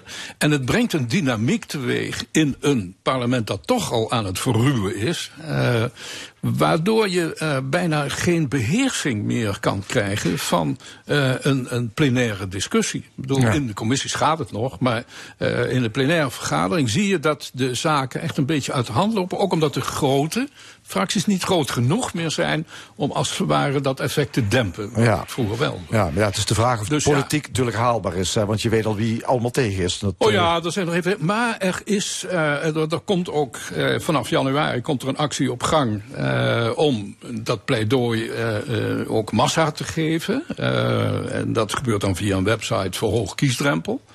Eh, en dan zou het wel eens kunnen zijn dat in het publiek veel meer behoefte leeft aan een kiesdrempel eh, dan partijen lief is en dan partijen geloven. Ja, tot slot even nog, Ja. nog na- even naar de gemeenteraad. Ja. Daar eh, vind jij van dat die kiesdrempel eigenlijk ook wel Ja. ingesteld zou moeten worden. Alleen niet zo hoog als in die Tweede Kamer. Nee, daar is het voldoende, maar dat heeft te maken met het aantal zetels waarover verdeeld moet worden. Als je de kiesdeler gelijk maakt aan de kiesdrempel. Dat is nu niet zo. Dus dat je is kunt nu zelfs niet zo. als Je je- kunt met minder dan eh, de kiesdeler eh, kan je zetels halen. Dan kom je in aanmerking voor een aantal restzetels. Maastricht is een voorbeeld van een, een extreem geval. 16 fracties in de gemeenteraad. Eh, ja, waarvan er zes één zetel hebben. En vijf daarvan hebben die zetel dankzij restzetelverdeling.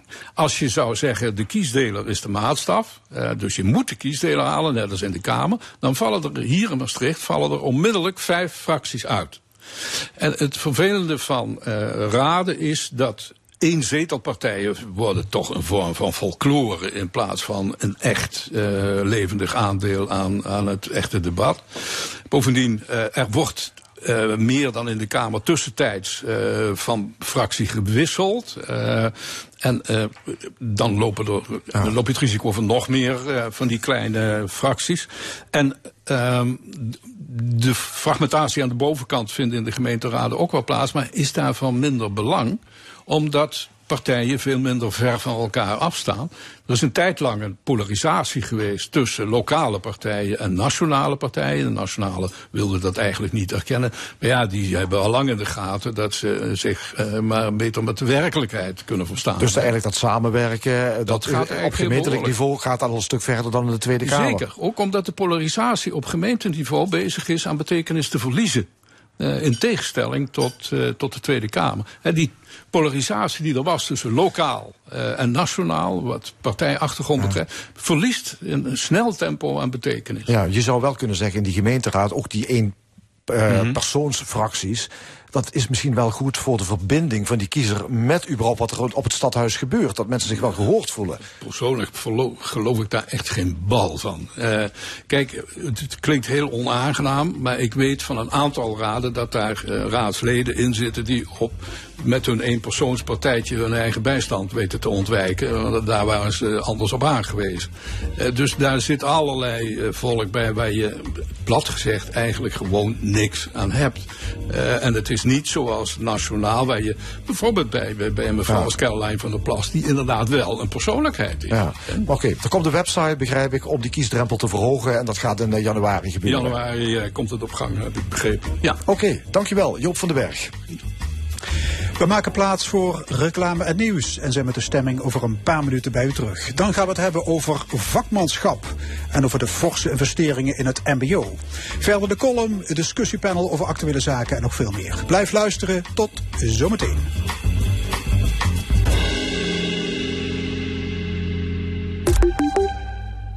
Hoe langer je kijkt, hoe meer je ziet. Bezoek nu de indrukwekkende tentoonstelling De Golvende Lijn. Met Christy van der Haak in het Kuipershuis. Voel, beleef en ervaar wat decoraties met je doen. En ontdek hoe twee werelden samenkomen. De Golvende Lijn. Nu te zien in het Kuipershuis in de Roermond. Specsavers streeft al jaren naar betaalbare hoorzorg voor iedereen. Daarom betalen Specsavers en uw zorgverzekeraar echt 100% van uw hoortoestellen. En daarin is Specsavers anders dan veel andere audiciëns. Stel, u heeft alleen een basisverzekering van Zilveren Kruis en twee hoortoestellen in categorie 4 nodig. Dan is uw eigen bijdrage bij Schoneberg 308 euro. Maar bij Specsavers audiciëns is dit 0 euro. Kosten eigen risico en opladen kunnen wel van toepassing zijn. Benieuwd wat u kunt besparen? Ga naar specsavers.nl slash besparen. Boodschappen steeds duurder? Niet bij Nettorama. De goedkoopste supermarkt van Nederland. En hoe meer je haalt, hoe minder je betaalt. Want bij aankoop van twee of drie stuks krijg je altijd 10% extra kassakorting op meer dan 2500 merkartikelen. Nettorama. Nettorama. De aller, allergoedkoopste. Nettorama. Merkendiscount. Zet het op je lijstje, dan gaat er niks mis. Zet alles op je lijstje, dan wordt kerst dit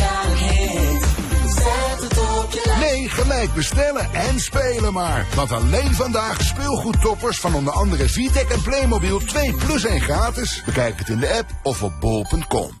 Winter is magic bij Snow World. Boek nu een ski- of snowboardles en ervaar de magie van onze sneeuw. Tickets en info snowworld.com. Dit is L1 met het nieuws van 12 uur. Michel Koenen met het NOS-journaal. Bij een eenzijdige auto-ongeluk in Breda is vanochtend vroeg een man van 24 om het leven gekomen. Volgens de politie heeft de auto eerst een verkeerspaal en een reclamezuil geraakt voordat hij op de weg tot stilstand kwam. Het slachtoffer zat naast de bestuurder en werd uit de auto geslingerd. De bestuurder van 27 moest uit het autovrak worden bevrijd. Hij is naar het ziekenhuis gebracht.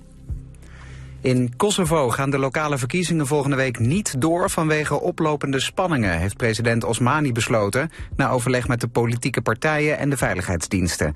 Het gaat om verkiezingen in vier plaatsen waar etnische Serviërs in de meerderheid zijn. Al een paar dagen zijn er ongeregeldheden, wegen zijn geblokkeerd en twee grensovergangen met Servië zijn gesloten. En de gemeenteraadsverkiezingen in Kosovo zijn nu uitgesteld tot april. Reddingswerkers gaan ervan uit dat de vermisten na de explosie op Jersey niet meer in leven zijn. Bij de ontploffing van gisternacht op het Kanaaleiland kwamen drie mensen om het leven en raakten ongeveer 25 mensen gewond. Zeker 10 mensen worden nog altijd vermist. Volgens de politie is het reddingsteam overgegaan van het zoeken naar overlevenden naar een bergingsoperatie. Bij de explosie en daarop volgende brand stortte een appartementencomplex van drie verdiepingen volledig in. En in IJsselstein brandden sinds gisteravond de lampen weer van de Gerbrandi-toren. De zendmast staat beter bekend als de grootste kerstboom van Nederland. De 120 lampen die werden vorige week al opgehangen. Ze zullen tot 6 januari blijven branden. Volgens de organisatie gaat het om energiezuinige lampen. Daarom vallen de kosten mee. De zendmast was gisteravond niet helemaal te zien vanwege de mist. Het weer nog is vrijwel overal bewolkt... met vooral in het zuiden kans op een beetje sneeuw of motsneeuw. Het wordt maximaal 1 graad. Morgen eerst bewolkt, maar later zon. Het waait amper en de temperatuur die ligt net iets boven het vriespunt. Dit was het NOS Journaal. Nu bij Subaru Eusen. De volledig elektrische Subaru Solterra. Maak kennis met deze prachtige SUV. Geniet van een proefrit en kom naar onze showroom in Ransdaal. De nieuwe Subaru Solterra. Kijk op eusen.nl. Bij Berden vind je alles voor de feestdagen. Ga jij voor een trendy glitterpak, een mooie kanten blouse of een stijlvolle kanten jurk? De meest feestelijke outfits vind je bij Berden. Kom langs in een van onze winkels of shop op berden-fashion.nl. Bij Klaverblad draait het om mensen. Onze arbeidsongeschiktheidsverzekering is er speciaal voor zelfstandigen die met hun handen werken. Als dat door ziekte of een ongeval niet meer kan, helpen wij u met geld of bijvoorbeeld omscholing. Dat is een zorg minder en dat helpt. Vraag uw adviseur naar de gewoon goede AOV van Klaverblad. Maak je klaar voor de feestdagen en bezoek berden-fashion.nl of kom naar een van onze winkels. Een nieuwe huurwoning? Meer gaan werken? Of een dag extra kinderopvang? Het kan een verandering in je toeslagen betekenen. Dus verandert je situatie? Check of het invloed heeft, pas aan, waar nodig en door. Met je dagelijkse dingen. Check, pas aan en door. Zo ontvang je nooit te veel of te weinig. Ga naar toeslagen.nl slash pasaan. Het worden fijne feestdagen met de voordelige kerstboodschappen van Jumbo. Met Campina Vla 2 voor 2,75. Kies een mix fruit 3 voor 4,99. En dubbel fris 4 pakken voor 5 euro. Jumbo, dat is leuk boodschappen doen. Ook online. In Surrender geeft U2-zanger Bono ons een uniek kijkje in zijn buitengewone leven. Surrender, de memoires van Bono. Nu in de boekhandel. Kersttaart bestellen? Gefelicitaard.nl Altijd iets te vieren. Surrender, de bijzondere memoires van U2-zanger Bono. Nu in de boekhandel. Kom langs en laat je verrassen. Advent shoppen in Westfield Centro. Vandaag zijn er ruim 250 shops open van 1 tot 6. Koop zondag in Westfield Centro in Oberhausen. Europa's grootste vrije tijds- en shoppingcenter. Dit is de zondag van L1.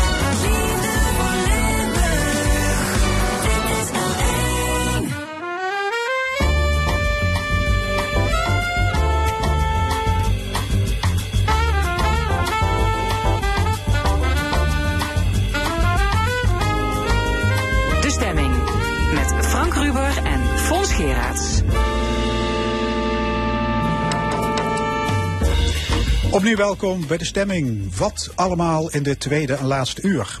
Straks het panel met Gabrielle Heijnen, Cor Bosman en Loek Hustings. En zij discussiëren over de onderwereldkaart, de run op voedselbanken en andere actuele zaken.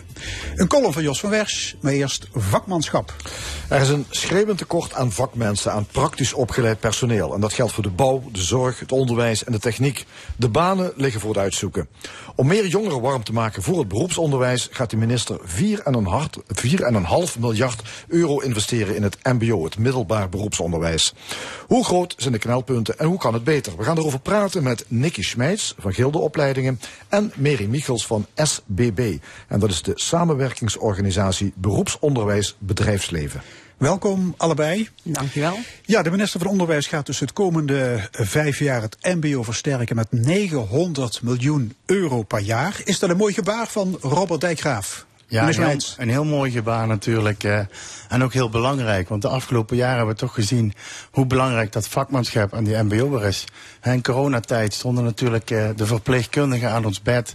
Werden de pakjes bezorgd in de retail eh, door de MBO'ers en de vakmensen. Dus ja, ik denk dat dat heel belangrijk is. En dan zeker als je nu naar de toekomst kijkt. Energietransitie wat op ons afkomt. Eh, dus we hebben die vakmensen hard nodig de komende jaren. Ja, mevrouw Michels, helemaal mee eens? Volledig mee eens. En ook als je ziet dat we toch een teruggang krijgen in het aantal MBO-studenten. En je ziet die energietransitie waarbij we snakken naar technici of die verzorgende precies aan het bed. Is het zo belangrijk dat jongeren ook goed kiezen voor het MBO. En dat we ook mensen die we al hebben werken, dus via het MBO, aan het werk houden. Er is dus gebrek aan ambachtelijkheid. Is het ook een kwestie van eh, demografie? Het is. Hè, hè, bedoel, er is vergrijzing. Veel mensen gaan met pensioen. En er zijn te weinig jongeren om vacatures in te vullen. Ja, het is een, een meervoudig probleem en uitdaging die we hebben. Het zit eh, ook in het aantal jongeren zijn steeds minder jonger, dus echt een demografisch eh, punt. Ehm, en daarnaast zie je ook nog iets als ehm, ja, eh, een stukje weglek uit de provincie. Hè. Bijvoorbeeld een Brainport-regio trekt bijvoorbeeld heel veel technische mensen ASML. En het zorgt ervoor dat Noord-Limburgse MKB-bedrijven, bijvoorbeeld in de techniek, wat niet zo'n naam hebben als ASML, als Philips, ja, wat lastiger die studenten naar zich toe trekken. Dus uh, ja, dat is een een veelkoppig punt. monster, zou ik maar zeggen. Zeker. Ja. Ik heb begrepen dat het aantal aanmeldingen bij het MBO dit jaar verder is gedaald. Met name voor proces- en installatietechniek is er bar weinig belangstelling. Mary Michels, terwijl een paar honderd operators zo kunnen beginnen. Eh, dat is absoluut zo, maar we zien ook een eh, bepaalde kentering, toch ook binnen de techniek, dat er veel meer gebruik gemaakt wordt van werkend leren. Dus dat je vanuit het werk ook één dag in de week naar school gaat om daar eh, de, ja, te leren, zal ik maar zeggen, en te komen voor je diploma. Maar het is wel zo dat we gewoon zien dat ook met name in de techniek gewoon ontzettend veel technici nodig zijn. En die krijgen we gewoon ook niet, hoe hard we aan het mbo trekken, ja, voldoende studenten daarvoor naartoe gehaald. Ja, dus we dat- zullen ook in die bedrijven iets anders moeten gaan doen. Want een tijdje geleden was er die waarschuwing van het Planbureau voor de Leefomgeving. De klimaattransitie loopt gevaar door tekort aan technici. Hè, De klimaatdoelen worden niet gehaald eh, zonder vakmensen die verstand hebben van zonnepanelen, waterpompen, laadpalen. Klopt dat? Ja, inderdaad. eh, die kennis is hard nodig. En inmiddels hebben we het al zo ingericht eh, dat we die mensen wel kunnen opleiden, maar dat er gewoon steeds minder jongeren instromen. En daar hebben we dus de komende dagen, jaren een eh, goede uitdaging aan met Ja. z'n allen. En Dus meid, u, u, u raakt trouwens altijd lichtjes ge- geïrriteerd hè, als de techniek te veel aandacht krijgt. Nou, eh, Want er is meer dan techniek, zegt Ja, u. zeker. Want we hebben het heel vaak altijd over tekort, tekort beroepen. En op dit moment blijkt eigenlijk gewoon dat gewoon overal hebben we vakmensen nodig. Het gaat ook om die ambachtelijke bakker. Het gaat ook om de mensen in de horeca. Ja, de zorg wordt al vaak genoemd. En het gaat ook gewoon, ja, eigenlijk gewoon in de volle breedte van het mbo. Ook gewoon die, die waardering, ja, die, die volle waardering in de breedte. Dus u wil een lans breken voor ambachtelijkheid in zijn, in zijn algemeenheid. Ja, zeker. Dat Ja, waar, waar zeker. heeft u bewondering voor? Ja, daar heb ik bewondering voor. Ja, uiteindelijk misschien ook wel voor mijn eigen ouders, mijn vader en mijn ooms en tanten. Die vroeger ook gewoon vakmensen waren. Die gewoon hard werkten als postbode, als vrachtwagenchauffeur of als timmerman. En ja, dat vergeten we tegenwoordig wel eens. Want iedereen moet maar hoger opgeleid worden. Terwijl we het eigenlijk volgens mij moeten hebben over praktisch opgeleid. En vroeger had je gewoon een mooie baan met een mooi salaris. Gewoon als vakman. Ja, u zegt we vergeten die, die, die vakmensen. In Limburg worden miljoenen euro's geïnvesteerd in die vier campussen. Maar die kenniseconomie, dat is heel veel techniek. En dan ook nog van het allerhoogste niveau. Wordt ja, de metselaar en de automonteur en de verpleger, kom, komen die er bekijkt vanaf? Mevrouw Michels? En nou wat je steeds meer ziet, en het is ook het, dat het belangrijker wordt dat het beroepsonderwijs en het bedrijfsleven gaan samenwerken. Beroepsonderwijs en bedrijfsleven kunnen niet zonder elkaar. Dus wat je ziet in die campussen is dat men elkaar gaat helpen daarin. Dus de student kan weer nieuwe kennis inbrengen binnen dat bedrijfsleven. Het bedrijfsleven weer nieuwe kennis binnen het onderwijs. En zo zie je dat ook ontzettend veel geïnvesteerd wordt in de metselaar, in de automonteur. Want laten we wel even niet vergeten dat het gaat om ons heen zo snel allemaal, de techniek, dat de automonteur van vroeger, die moet tegenwoordig wel met elektrische auto's kunnen omgaan. Ja, dus ICT, halve, halve computerdeskundige zijn. Zeker weten. De monteur, ik, eh, mijn afwasmachine was kapot deze week, dus er kwam een nieuwe monteur. Maar die moet tegenwoordig al alles bestellen, gewoon met internet. Die heeft een computer bij zich. Dus als je ook ziet, de installateuren waar we het over hebben, als jij twintig jaar al werkt in een bedrijf. En op een gegeven moment krijg je met zonnepanelen of zo te maken. Ja, dan zul je daar toch wel kennis van moeten hebben. En dat is zo mooi wat nou gebeurt in het MBO. Dat ook voor deze doelgroep, die werkende, met kleine stukjes opleiding, certificaten of praktijkverklaringen, ja, die inzetbaarheid gewoon wordt gewaarborgd. Ja, Nicky Smeijs, u bent van de gildeopleidingen, dus het mbo moet zich voortdurend aanpassen. Dat klopt, dat moeten we voortdurend. En daarom trekken we dat spoor ook een stukje breder. Hè, wij zagen natuurlijk dat die campus heel belangrijk zijn voor Limburg. Maar er is meer dan dat. Hè, we hebben publiek-private samenwerkingsverbanden eh, in de logistiek. Hè, dat gaat in de zorg. En nu gaan we starten met retail, met veiligheidsopleidingen waar we onderwijs, bedrijfsleven samenwerken. En we zagen wel dat die campus heel belangrijk zijn. Maar eh, we hadden ook zoiets als gezamenlijk MBO, dus ook Vista College en ook Juverta. Van hey jongens, um, er mag wel wat meer aandacht zijn. Want in het politieke debat zie je toch vaak dat mensen in de Tweede Kamer of ook in provinciale staten, ze kennen allemaal het voortgezet onderwijs. Daar hebben ze zelf opgezeten. Hun kinderen zitten op het voortgezet of het primair onderwijs. En het MBO, ja, dat is dan toch minder bekend, lijkt het Hmm. af en toe. Maar toch, je ziet dat de minister nu dus 4,5 miljard in dat MBO gaat, gaat steken. Ik hoorde hem zeggen: Ik vind het wrang dat we ze pas gaan waarderen als ze er niet zijn. Dus ook Dijkgraaf is wat laat wakker geworden, mevrouw Michels. Ja, nee, absoluut. Ik denk dat we ons allemaal bewust zijn dat we juist eh, de bakker om de hoek, zoals Nicky dat zo mooi zegt, of eh, de handen aan het bed. Hè, of eh, ga wat gezellig uit eten met je man of met je vrouw. Toch altijd fijn als een gastheer of een gastvrouw je te woord staat. En een kok die iets eh, lekkers klaarmaakt voor je. Dat juist die beroepen die we telkens om ons heen zien, wat beter op het netvlies moeten komen. En het zit natuurlijk in ons allemaal. Hè? Eh, Ja. het, het gaat al snel over ja, het. Hè? Wat gaan je kinderen later doen? Gaan ze wel naar het VWO of het HAVO? Dus het zit ook een beetje in het idee, het jarenlang roepen van Nederland, kenniseconomie, kennisland. Eh, en dat is hartstikke belangrijk, maar laten we de rest dus niet vergeten. Ja, ja, veel ouders die pushen hun kinderen om zo hoog mogelijk te kiezen. Hè? Ja. En dan wordt gezegd: je mag naar het VWO en je moet naar het VMBO. Ja, daar begint het al bij. En als je ze in het VMBO verliest, dan stromen ze ook niet meer door naar het MBO. En eh, ja, dan komen ze ook niet meer in die aanraking met die mooie beroepscontext van het MBO. Wordt er te veel onderscheid gemaakt tussen hoofd en handen? En wordt het hoofd als hoger beschouwd? Ja, ik denk eh, in, in de waardering, hè, als je kijkt ook naar de salariering of het mensen wat een, eh, een omscholing of een bijscholing volgt, dan zie je gewoon dat, dat het uit cijfers bijvoorbeeld van de Universiteit Maastricht blijkt, dat er veel minder geïnvesteerd wordt in mensen die, ja, noem het dan toch maar even, geen hogere opleiding hebben genoten, maar die in tijdelijke contracten zitten. Mensen die ehm, ja, minder uren per week werken. En er moet er ook een stukje leercultuur zijn. En daar begint het eigenlijk al, al mee. Ja, dus er is toch een flinke cultuuromslag nodig om dat, om dat te veranderen, denk ik. Zeker, in de Ja. volle breedte. Moeten we trouwens af, jullie zeiden er in het begin al iets over, van die begrippen hoog opgeleid en laag opgeleid. Kunnen we beter spreken van theoretisch en praktisch opgeleid? Nou ja, ik denk dat je vooral moet kijken van eh, waar ben je goed en waar ligt je ambitie en waar liggen de mogelijkheden. Ik heb zelf altijd de volle overtuiging dat mensen energie moeten krijgen van hetgeen wat ze doen. En dat je vooral kijkt naar de mogelijkheden van mensen. En als ik dan even van het MBO mag spreken, daar zijn zoveel mogelijkheden van de praktische, hè, de, de metselaar wat we net al eh, bijvoorbeeld als voorbeeld aan hadden. Maar ook gewoon management, werkvoorbereiders. Er zijn zoveel mooie beroepen in het MBO.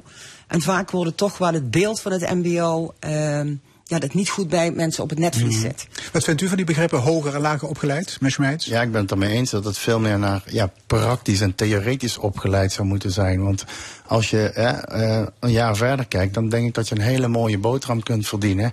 Als je juist in zo'n markt zit, als je het hebt over de energietransitie. Hè, eh, vind nu nog maar eens een, een goede vakman die bij jou thuis Ja. een badkamer komt maken. Ja, er zijn ouders die maanden moeten wachten op een loodgieter of een stukje door, maar hun kinderen wel naar, eh, naar de haven, naar de haven sturen. exact. Hè? Ja. ja. Ehm, het imago van het beroepsonderwijs. Je krijgt er vieze handen van, helm, overal. Speelt jullie dat nog parten? Nou, ik vind wel eh, typisch bijvoorbeeld wat je nu bijvoorbeeld aankaart, hè, de vieze handen of zoiets. Dat is vaak het beeld wat men heeft van bepaalde beroepen. En kijk naar, eh, nou, we hadden het over techniek, maar dat is voor meerdere beroepen dat de beelden die we hebben niet meer volledig kloppen. Daarom is het ook zo belangrijk, ook, Nikke, jij noemde net leercultuur. Hè, dat we met elkaar, zowel de bedrijven, maar ook ik gewoon als werknemer, eh, docenten in het onderwijs, dat we goed beeld moeten geven wat de mogelijkheden zijn binnen beroepen, maar ook van beroepen.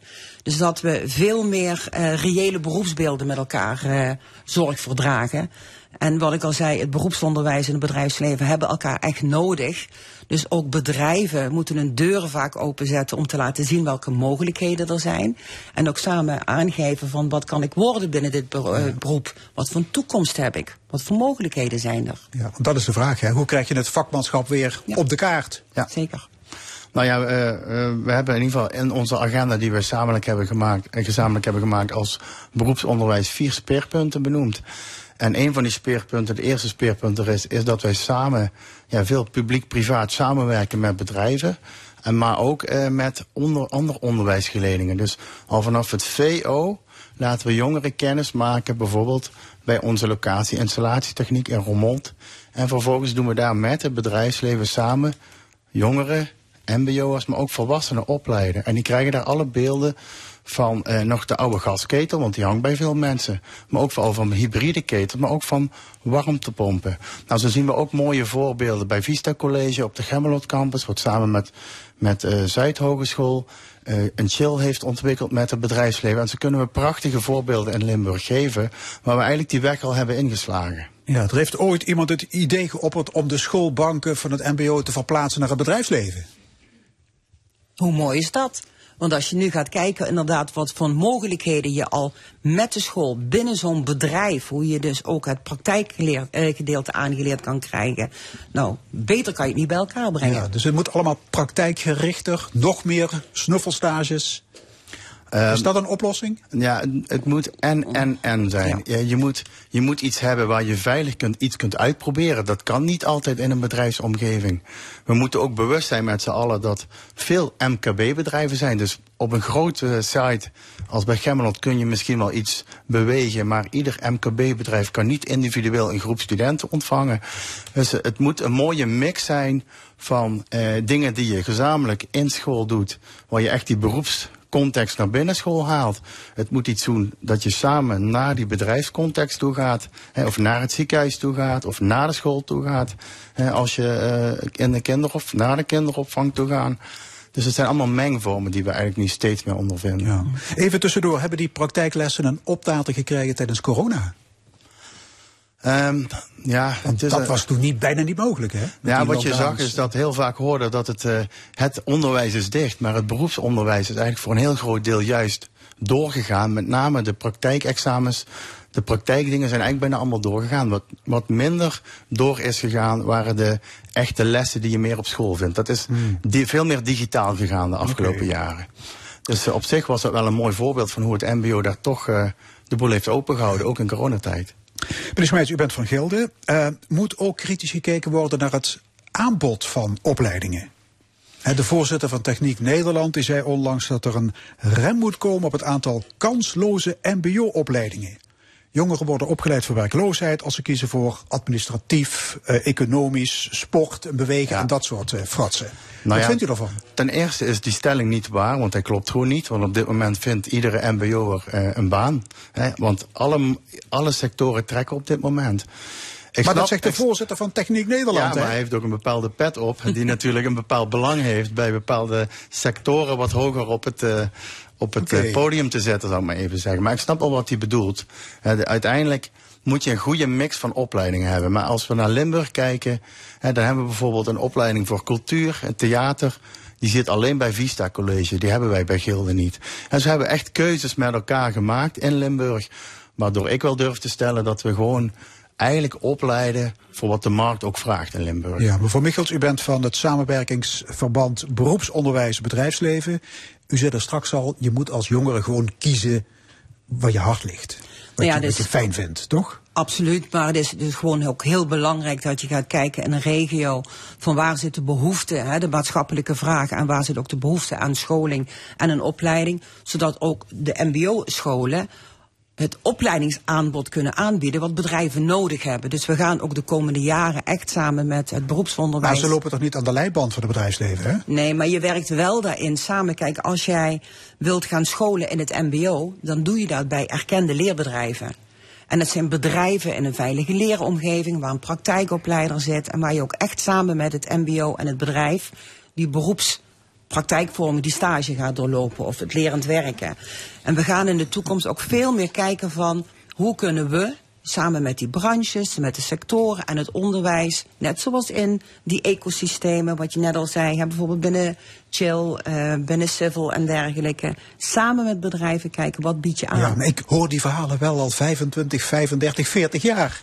Ja, maar Hoeveel stuurgroepen zijn er niet aan taskforce groepen en, en praatclubjes over dit onderwerp? Nou, en, uh, ik denk dat we vooral naar de praktijk moeten kijken, waar we al een aantal voorbeelden van hebben gegeven. Ik denk ook dat we die lijn moeten doorzetten.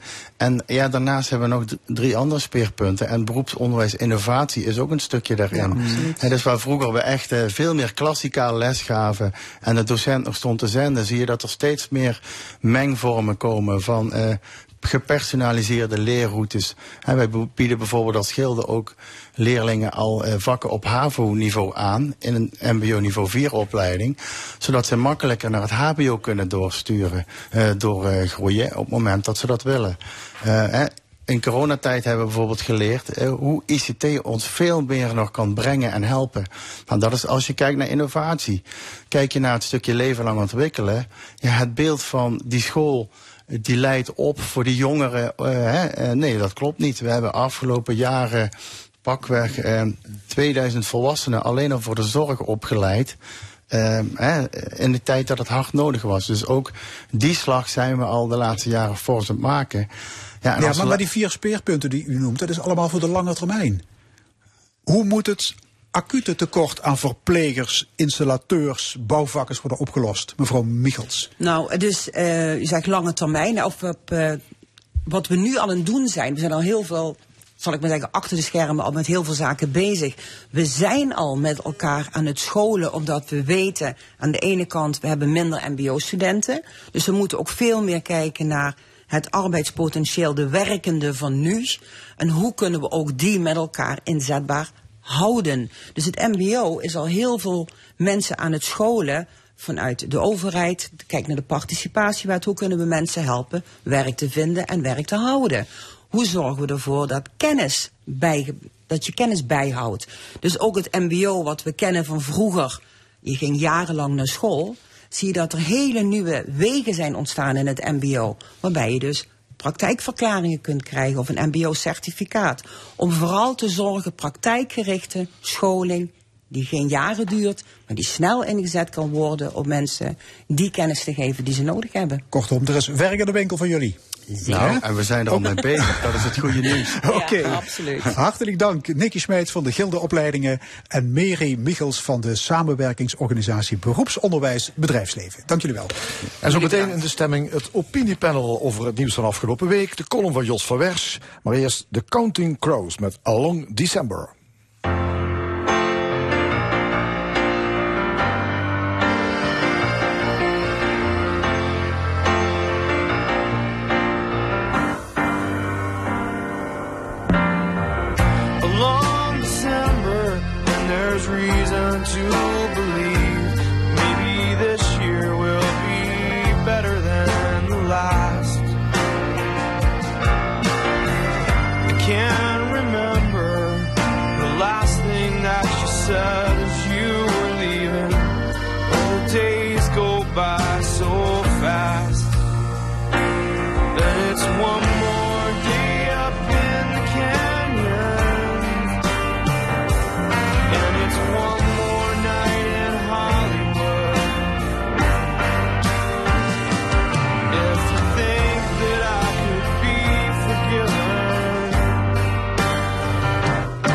Wish you would.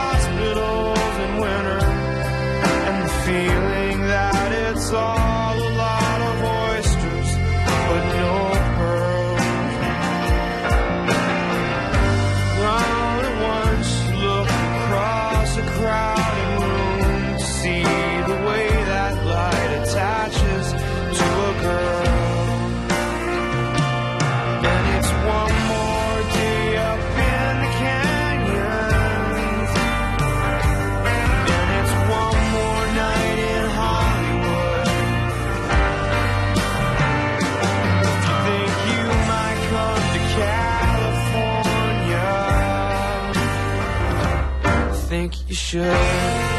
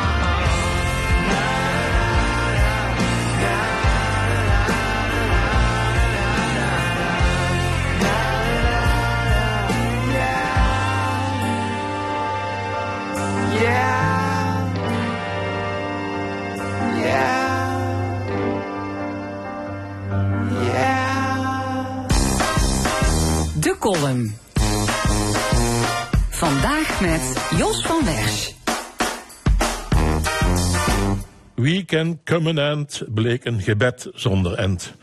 Edgar Davids, een van de hulpcenten van de heilige Louis, liep in Qatar de godganse dag met de heilige schrift onder de arm. Gakpo, de Pai en Dumfries de bijbelteksten naar elkaar. Dat bracht hen weliswaar dichter bij God, maar ze bleven lichtjaren verwijderd van de wereldtitel. Wout Weghorst had al eerder het licht gezien. Hij werd bekeerd toen hij tijdens een wandeling een kleine kapel ontdekte, waarna hij concludeerde dat daarboven iemand is. Diezelfde dag liet Wout een tatoeage zetten, een kerk bij de rozenkrans. En voilà, drie keer raak tegen Argentinië. Waarom Andries Noppert geen enkele penalty stopte? De twee meter lange lelieblanke hulk uit Heerenveen heeft geen tattoo. Het WK lijkt op een jaarvergadering van bijbelvaste egotrippers. Die komen shinen met hun dansjes. Zelfs na een prutschool, een kaktoor, zeggen de Duitsers, doen ze de capoeira. Ze heet de Braziliaanse horlepiep die zijn roots heeft in de vechtsport. Dat is ook in Qatar te zien, aan schaven en schoffelen.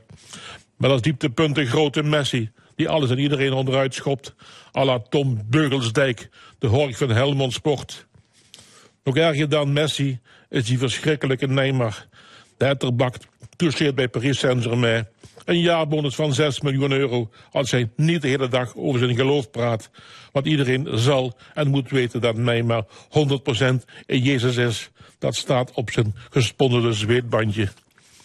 Het weekend van Louis van Gaal werd een vars. We zijn er met z'n allen ingetuind. Louis eiste de show op met kusjes op persconferenties en macho praatjes over wipjes met rus. Alsof dat op Louis' leeftijd zomaar gaat.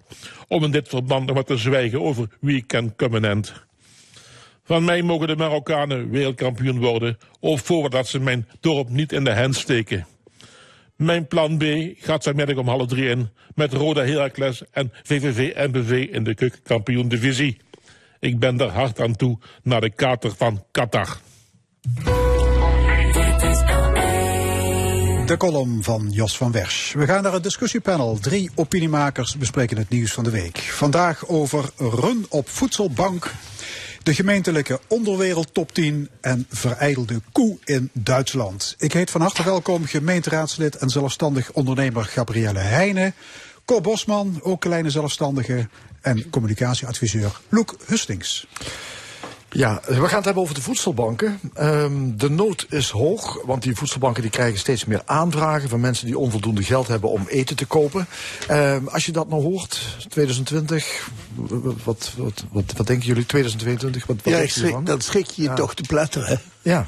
Je gelooft toch eigenlijk niet dat dat mogelijk is in Nederland anno 2022. Ehm, maar, maar blijkbaar is het dus toch zo. En eh, nu heb ik ook de indruk dat veel van die, van die armoede, want daar praten we toch over, zich ook achter de voordeur afspeelt. Stille armoede. Ja, dat je daar dus, laat me zeggen, dat je daar in de straat weinig of niet van merkt. Terwijl daar heel diep een enorm probleem huist. Want je zult er maar mee zitten. Dat is, dat is natuurlijk schrijnend en onvoorstelbaar. Hoe kom je eruit? Hè? Dat is uitzichtloos. En als je nu hoort en leest dat die prijzen van energie bijvoorbeeld alleen maar blijven stijgen. Ja, dan, dan kan ik me voorstellen dat je, ehm, eh, als je in die situatie zit, dat dat traumatisch wordt. Ja, ik, ik denk het grootste probleem is nu dat voedselbanken zien eh, dat het niet alleen maar om de laagste inkomens gaat en dus mensen die onder de armoedegrens leven, maar dat ze bijvoorbeeld ook gewoon twee verdieners krijgen eh, met een koophuis. Dus eigenlijk ga je dan toch van die stille armoede wordt ja, zichtbaar nu. Mensen moeten over die schaamte heen en dan ga je dus in een rij eh, voor de voedselbank staan. Dat is heel triest, maar ja, om te zeggen bijvoorbeeld, ja, ben je er verbaasd over in 2022? Nee, we hebben nu eenmaal gewoon te kampen eh, met een oorlog waardoor we in een energiecrisis zitten. Eh, dus daar heb je gewoon mee eh, te dealen. En ik denk dat onze overheid ervoor moet zorgen dat bestaanszekerheid gewaarborgd wordt. Eh, en ik denk dat je dat op dit moment één doet door die voedselbanken extra gelden te geven. Daar wordt ook tijdens de, de begroting sociale zaken voor gevraagd. En twee moet je zorgen ehm, dat mensen die energieprijzen kunnen betalen. En ik denk dat dat prijsplafond, heb ik al vaker hier gezegd, dat dat niet voldoende is. Ehm, ik heb zelf ook met een aantal andere fractievoorzitters gepleit, ook nu bij het landelijke, eh, verlaag of, of hou die BTW op energie laag. Energie is in die zin een eerste levensbehoefte. Dat is een generieke maatregel, profiteert dan iedereen voor. Maar ook de mensen die het nodig hebben, eh, profiteren ervan. En op lokaal niveau kun je, zoals Maastricht bijvoorbeeld, kun je nu een noodfonds oprichten. Om mensen die nu in acute nood komen, om die te helpen. En daar zou een, een landelijke overheid ook veel meer geld eh, eh, aan kunnen geven. Dus je kan wel en je moet nu ook wel wat doen. Ja, Cor Bosman, zie, zie jij het om je heen, die stille armoede? Eh, ik zie wel stille armoede eh, om mij heen. Eh, maar ik wil heel even eh, voortborduren op het verhaal van Loek. Ik vind het al jaren een schande dat wij in Nederland een voedselbank, een kledingbank, een speelgoedbank, et cetera, wat voor allemaal geneuzel dat we daarvoor hebben. En ik zeg met recht geneuzel. Uh, ik bestrijd niet dat er mensen om ons heen uh, die minder bedeeld zijn en die het financieel heel erg zwaar hebben. En dan vind ik het ook prima dat er een, een, een, een, een vangnet is. Alleen, sociale vangnetten zijn niet altijd goed voor wat betreft de zelfredzaamheid. Ik denk dat voedselbanken, kledingbanken, et cetera, die zijn noodzakelijk. Maar ik denk ook dat er uh, op grote schaal misbruik van wordt gemaakt.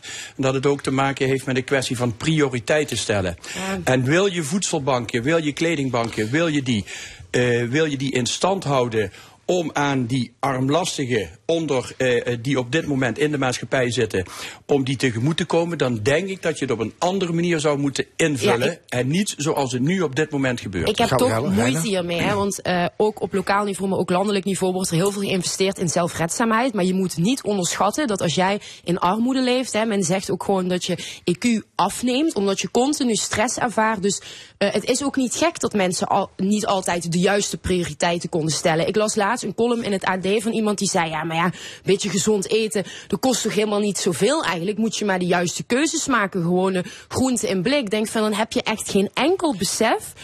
Nou, ook, ook, mensen in armoede komen Klopt. in verleiding. Wij leven Klopt. in een tijd waarbij je continu alles, alles voorgespiegeld krijgt. Klopt helemaal. Hoge mate van welvaart. En dan moet jij iedere dag, dag in, dag uit super verstandig zijn. Dat, Klopt dat, helemaal dat wat je zegt. Zo. Dus op het moment reëel. als mensen dat niet kunnen, dan denk ik dat je het op een andere manier zou moeten inrichten. En ik, en, en ik ga het in, in, in, in een half minuut ga ik het heel simpel zeggen. Je krijgt een x-bedrag aan uitkering. Je hebt een x-bedrag aan, uh, aan huurlasten, energielasten, verzekeringlasten, et cetera. Zorg er nou voor dat de overheid dat voor jou regelt. Bewindvoerder. Nee, hoeft hoef geen bewindvoerder te zijn. Zorg, zorg dat de overheid dat regelt.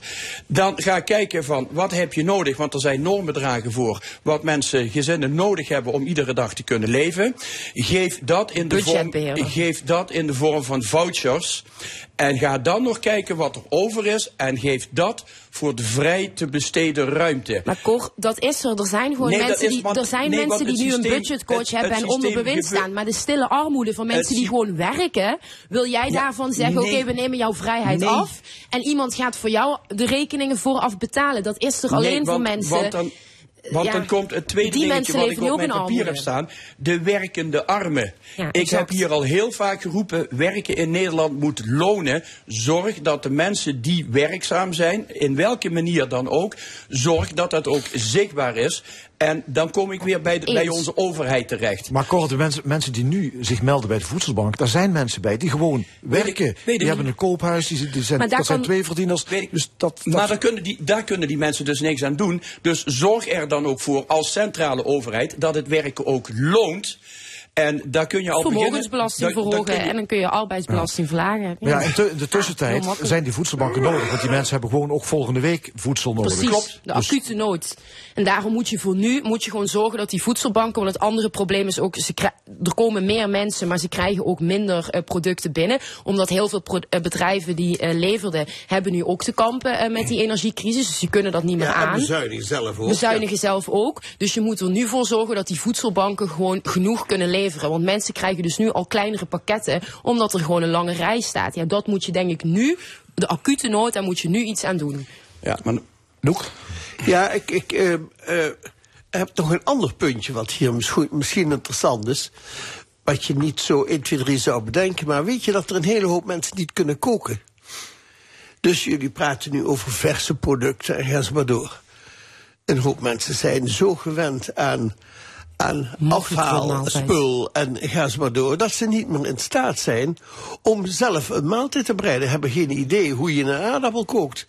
Nou, je het zou je verbazen hoeveel mensen daar niet... Ik, Ja, maar ik- jij ja, ik, ja, nee, maar ik stoor me soms gewoon echt aan het feit dat, dat er nu wordt gedaan alsof mensen in armoede, zeg maar vaak, of ze kunnen niet koken, of ze maken eh, eh, niet de juiste Niet zozeer in armoede, dat geldt in het Ja, algemeen, maar denk ik. Het is Ja, wel een bepaald ik, beeld ik, dat Ik geschetst stoor me wordt. heel erg aan het feit, want ik ben een ondernemer. Jij bent ondernemer.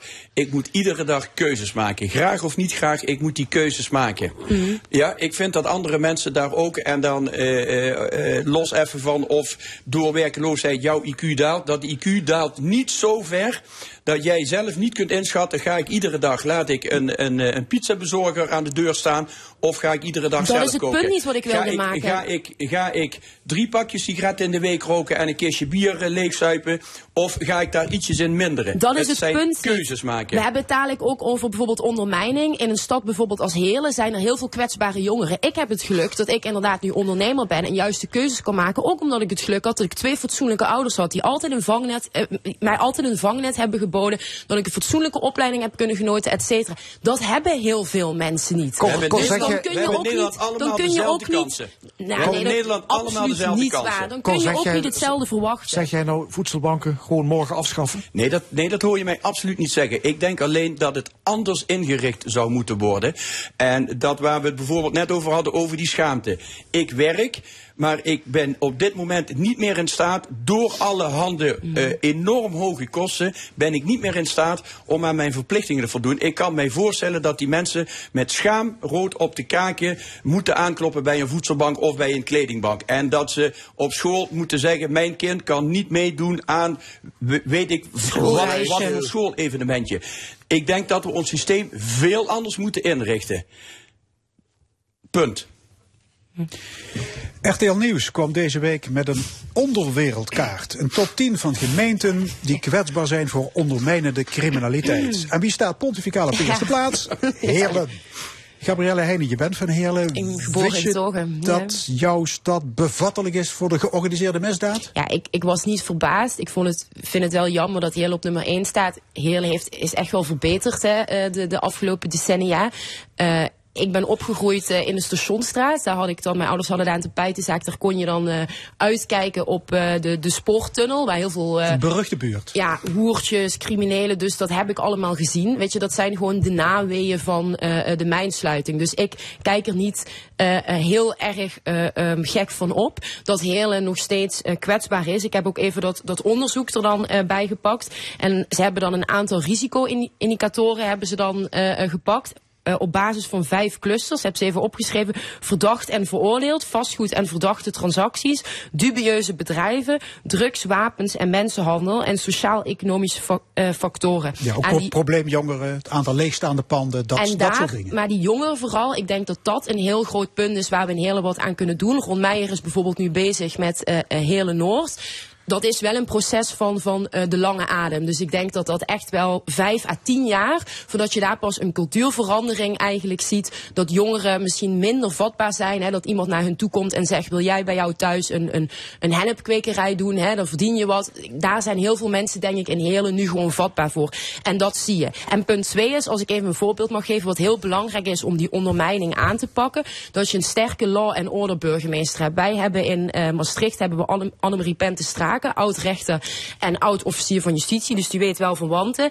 In Maastricht hadden wij op een gegeven moment dat er overal zeepjeswinkels, echt overal in de stad waren zeepjeswinkels.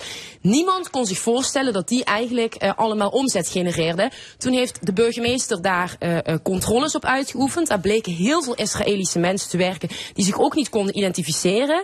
Nou ja, toen voelden die zeepjeswinkels te druk. Zo snel als ze er kwamen, waren ze ook weg. Het enige wat wij op dit moment weten is dat die fiscale constructie nog terug te herleiden is naar Canada. eh, verder weten we niks, maar ze zijn in ieder geval weg. Dus je moet die, die druk, vooral op die rare brandjes, moet je goed opvoeren. Ja, Limburg is goed vertegenwoordigd in die landelijke onderwereld top 10. Heerlen dus op 1, Sittard Geleen op 7, Brunsum op 9 en Roermond op 10. Loek Hustings, we staan er mooi op. Ja, dat is, eh, dat is schrikken, hè. Ehm, maar, laat me zeggen, misschien is het wel zo, maar ik weet niet of dat waar is, hè, maar het is een vermoeden. Misschien is het wel zo dat wij in tegenstelling tot veel andere eh, grensprovincies hier niet één, maar twee verschillende landsgrenzen hebben. Zowel naar België als naar Duitsland. Maar het, en daarbij is, is Limburg geografisch een heel smal reepje. Dus eh, als je in Roermond niet o- uitkijkt, ehm, dan sta je zo in, in België of in Duitsland.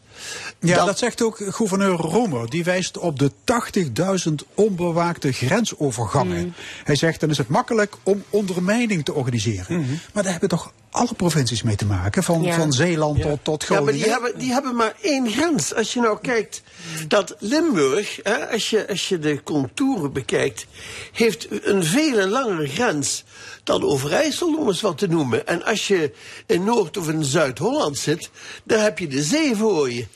Daar is natuurlijk, daar, daar, daar spring je ook niet zo. Maar, je kunt er wel maar in ook springen. andere maar- vormen van ondermijning. Bijvoorbeeld wat in Twente eh, heel erg speelt. Dus in het oosten van het land is eh, zorgfraude. Dat heel veel mensen worden ingezet om bijvoorbeeld allerlei zorgbureautjes, eh, valse zorgbureautjes op te richten als dekmannen. Hier speelt vooral volgens mij heel veel drugscriminaliteit. Ja. Je hoort altijd als er weer een of ander drugslab eigenlijk is opgepakt dat het toch voornamelijk Limburg en, Mhm. en ook Brabant is. Dus dat is volgens mij wat hier heel erg Oké, speelt. maar waarom zou onze gouverneur dit als argument noemen?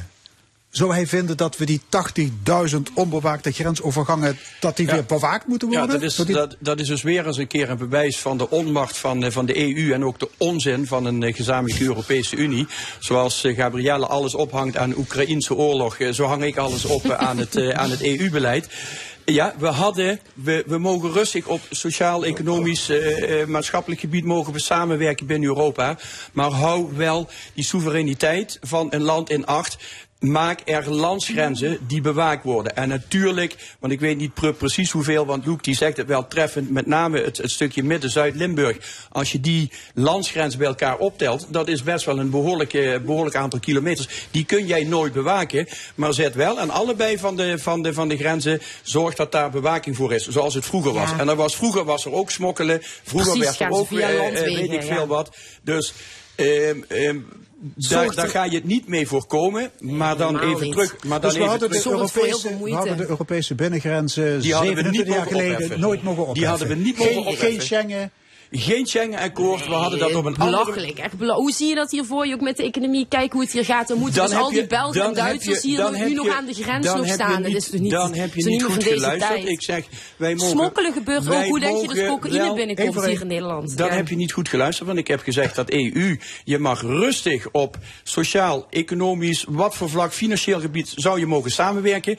Maar dat zou je, voor wat mij betreft, ga je dat niet bereiken door de grenzen open te gooien. Dat had je ook met gesloten grenzen, zoals bijvoorbeeld vroeger een EEG. Maar, maar, de, maar de cocaïnehandel bijvoorbeeld, hè, waar denk je dat dat vandaan komt? Dat komt uit Zuid-Amerika, dat komt hier ook allemaal gewoon onze havens in. Dat Weet gaat ik. niet op legale Nou, en eh, dan kom- bewijzen. en dan dus, weer- dus dat hou je toch, dat hou je niet tegen. weer- dat komt niet door open weer, grenzen. Zoals Loek altijd zegt, dan komen we weer regeren is vooruitzien. Wij weten gewoon, de, eh, met name de hennephandel, wat jij net al aangaf, van ben jij een beetje, want ik heb het hier opstaan, verleiding. Jongeren komen heel makkelijk in de verleiding van, goh, hè, hey, zou, zou jij voor mij 100 plantjes, zou jij voor mij dit? Hè? Eh, je kunt makkelijk 5k kun je, kun je beuren. Daar ben je Ja. zeker heel, heel ontvankelijk voor. Ja, dus aan de ene kant, we hebben een gedoogbeleid voor wat betreft de coffeeshops. Ja. Ik kan mij niet voorstellen, want ik zie nergens een gelegaliseerde hennepkwekerij staan. Waar die illegale coffeeshops aan de achterkant illegaal binnenkrijgen. En aan de voorkant in één keer gerespecteerde ondernemers zijn. Dus ze hebben allemaal van dit loopezeltjes hebben ze nodig. Dus daar moeten we veel meer op inzetten. Luc Hustings. Ja, ik heb nog een, eh, een andere kant in dit verhaal. Ehm, het is zo dat, ehm Cor zegt net, ehm, ze hadden die binnengrenzen ehm, nooit mogen vrij- vrijmaken. Nou, ehm, mijn mening is juist precies het omgekeerde. Ehm, ik ben voor een grotere rol van Europa en voor een nog strengere vervaging van die grenzen. Want daarmee wordt je directe buitenland ook binnenland. En dan is het Limburgse probleem niet alleen een probleem van hier bij in Limburg, maar ook van aan de andere kant, wat wij nu de grens noemen, eh, zowel links als rechts. Dus je krijgt door dat, door dat te doen, krijg je een veel groter gebied dat je, waar Dus je de zegt noodzaak niet is om over de grens te gaan. internationale politie en justitie. Oh, ik pleit zou je het fantastisch vinden. Het enige- Ja, maar het enige is, in- in die zin volg ik jouw logica wel, maar ik ben het ook wel met, met Cor eens. Hè. In Nederland hebben wij wel een heel ander, andere cultuur op, op het gebied van drugs. Eh, in Duitsland en België is dat heel anders. Wij hebben maar dat ook genormaliseerd. En daarin zit denk ik ook wel een heel groot deel van het probleem. Juist, dus- als het over drugs dus we mogen de hand in eigen boezem Ja. steken. Ja, we gaan naar Duitsland. Eh, want de Duitse politie die heeft 25 aanhangers van een extreemrechtse beweging opgepakt. Die zouden van plan zijn geweest om een staatsgreep uit te voeren. Eh, ja, het lijkt een beetje op het script van een eh, slechte B-film. Ja.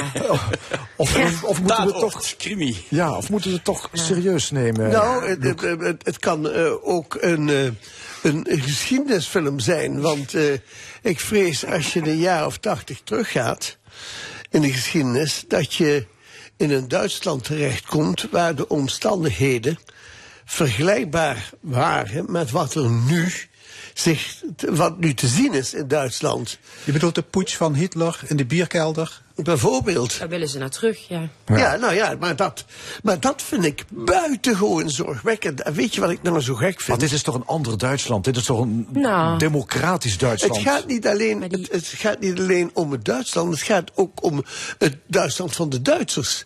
Als je een grote massa mensen hebt die met een bepaald waanidee rondlopen en in staat zijn om anderen met zich mee te slepen, is dat naar mijn overtuiging levensgevaarlijk. Ja, het gaat nu om 21.000 mensen, geloof ik, die dit Ja, maar- soort gedachten aanhangen. Ja, maar het gaat ook specifiek om die Rijksburgerbeweging. En dat is een, een wat kleinere rechtsextremistische beweging. Maar die wil wel degelijk terug naar eh, eh, het Hitler-tijdperk. Nou, ze willen zelfs terug naar 1871, hè, Ja, willen- Duitse keizerrijk. Bismarck, hè? Ja. Eh, nou ja, Duitse Rijk. Maar ja, hoeveel maar- mensen wonen in Duitsland? 80 miljoen. 80 miljoen. Dus ik denk, ik denk dat, dat, we, eh, dat je op dit soort signalen, dat je daar wel eh, eh, eh, alert op moet zijn. Maar dit is geen uitzondering, mensen. Wij hebben binnen, binnen ons Europa, binnen ons fantastische grootste Rijk Europa, wat, eh, wat Loek ook graag wil hebben. Maar we hebben, we hebben daar overal hebben wij daar groeperingen zitten die een zucht, een hang naar het verleden, naar een onafhankelijkheid hebben.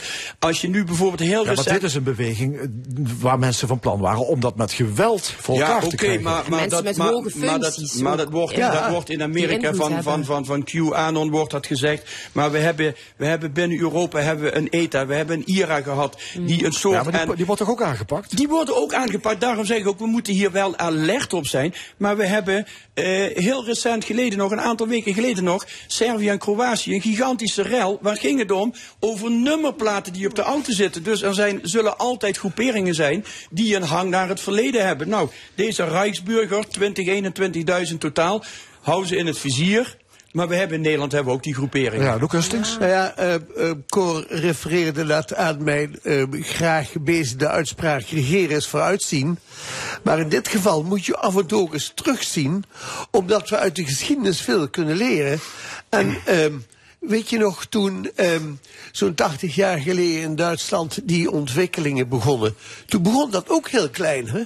Maar het werd wel hartstikke groot, hè? Ja. En maar de het, het omstandigheden werd, waren op een gegeven moment was het dus anders. Europees Duitsland- bedreigend. Duitsland is natuurlijk vanwege de geschiedenis extra gevoelig eh, eh, hiervoor. En ik vind overigens wel dat eh, in Duitsland geldt wel regeren is vooruitzien. Zij hebben al heel lang dit eh, in het vizier. Eh, vanaf 2016 of zo wordt er al gewaarschuwd dat die rechtsextremistische eh, gedachtegang weer in opkomst is. Dus ik vind wel dat ze dit heel goed hebben aangepakt. Nederland zou daar een voorbeeld aan kunnen nemen. Is niet hetzelfde, omdat wij niet die, diezelfde geschiedenis hebben. Maar het complotdenken en het anti-overheidsdenken, dat begint hier soms weet je, een beetje lacherig. Hè, met Forum, die we soms ook een beetje als, als clowns wegzetten. Ja, we hebben een Gideon van Meijer, die mensen zelfs is opgeroepen om naar de Tweede Kamer te gaan. Ja. En, niet, en niet, niet weg te gaan voordat de regering gevallen is. En wat- dat is toch ook een soort verkapte oproep tot En een staatsgreep? Forum doet het altijd heel voorzichtig, hè, want die hebben dan uitspraken en dan kunnen ze achteraf zeggen van ja, eh, we, eh, of we willen het niet eigenlijk zo zeggen. Dan wordt het bijna een semantische discussie. In Duitsland zie je dat het AFD gewoon heel duidelijk zegt wat ze willen.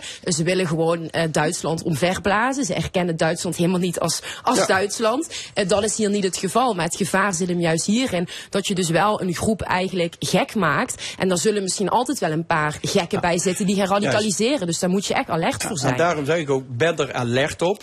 Maar eh, hè, eh, 20.000 eh, gekken op 80 miljoen gekke Duitsers, Ah, dat, dat valt wel mee. Ik denk dat dat ook best wel redelijk con- controleerbaar is. Zeker omdat ze al lang op de radar zijn Mhm. hè, van, van, van de Duitse autoriteiten. Maar Dan toch kunnen- kon dit gebeuren, ja, hè? maar dan kunnen we ons gelukkig prijzen dat we dan nog in dat vrije West-Europa leven. Want in andere landen op de wereld, daar praten ze niet over. Daar pakken ze gewoon de wapens, de stokken, de messen, de knuppels. En daar worden wel eh, complete Maar eens. regeringen overeind met bruut geweld. Dus wat dat betreft Ja, maar loopt het wel los. Ben Ja. er alert op. Hoe opmerkelijk is het dat de mensen die opgepakt zijn ook in alle regionen van, eh, van, van de maatschappij zaten? Hè? Een, een rechter, rechter. eh, men- mensen die Parlementslid, eh, ja. parlementslid, eh, Ja, leger, politie. adel, ja, ja, uit alle... Uit, Adel. Prins Heinrich de Ja, maar dertiende. dat, dat wil ik wel even zeggen, want eh, zijn eigen familie, dat is dus een adellijke familie. eh, en, en die familie heeft ook al afstand van hem gedaan en gezegd van het is gewoon eigenlijk een complotdenker en een verwarde man.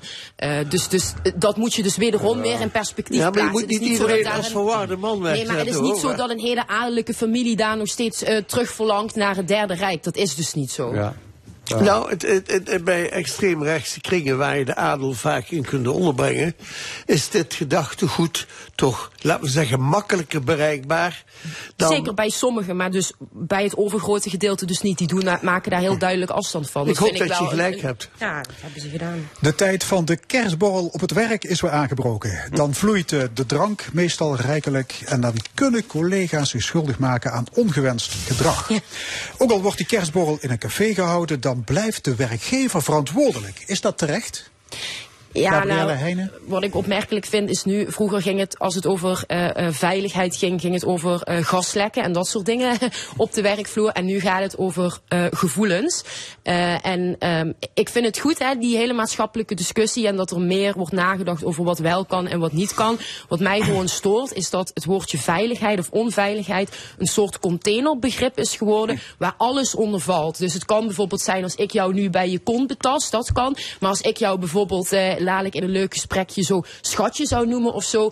Dat kan dan ook alweer grensoverschrijdend gedrag zijn. En we hebben gewoon een hele mooie Nederlandse taal. eh, met heel veel woorden. eh maak dingen ook concreet en duidelijk. Want anders valt alles onder ja, het, het containerbegrip onveiligheid. Vroeger was het woord veilig iets, iets Ja, gevaarlijks en nu wordt ja. het te pas en te onpas gebruikt. Precies. Heren aan tafel, mee eens? Ja, ik denk dat het wel te pas en te onpas wat, wat Gabrielle ook zegt. Want ik heb voor mezelf op, op, opgeschreven grensoverschrijdend gedrag. Wat is dat? Waar, waar, waar begint dit? Waar houdt het op? Waar begint en waar houdt de, bijvoorbeeld de vrijheid van meningsuiting op? Als ik tegen Gabrielle zeg, wat heb je mooie ogen? Dan zal zij misschien zeggen van, denk je, eh, dank je wel. Of ze zal zeggen van, hé, hey, vuile klootzak, wat wil je van mij?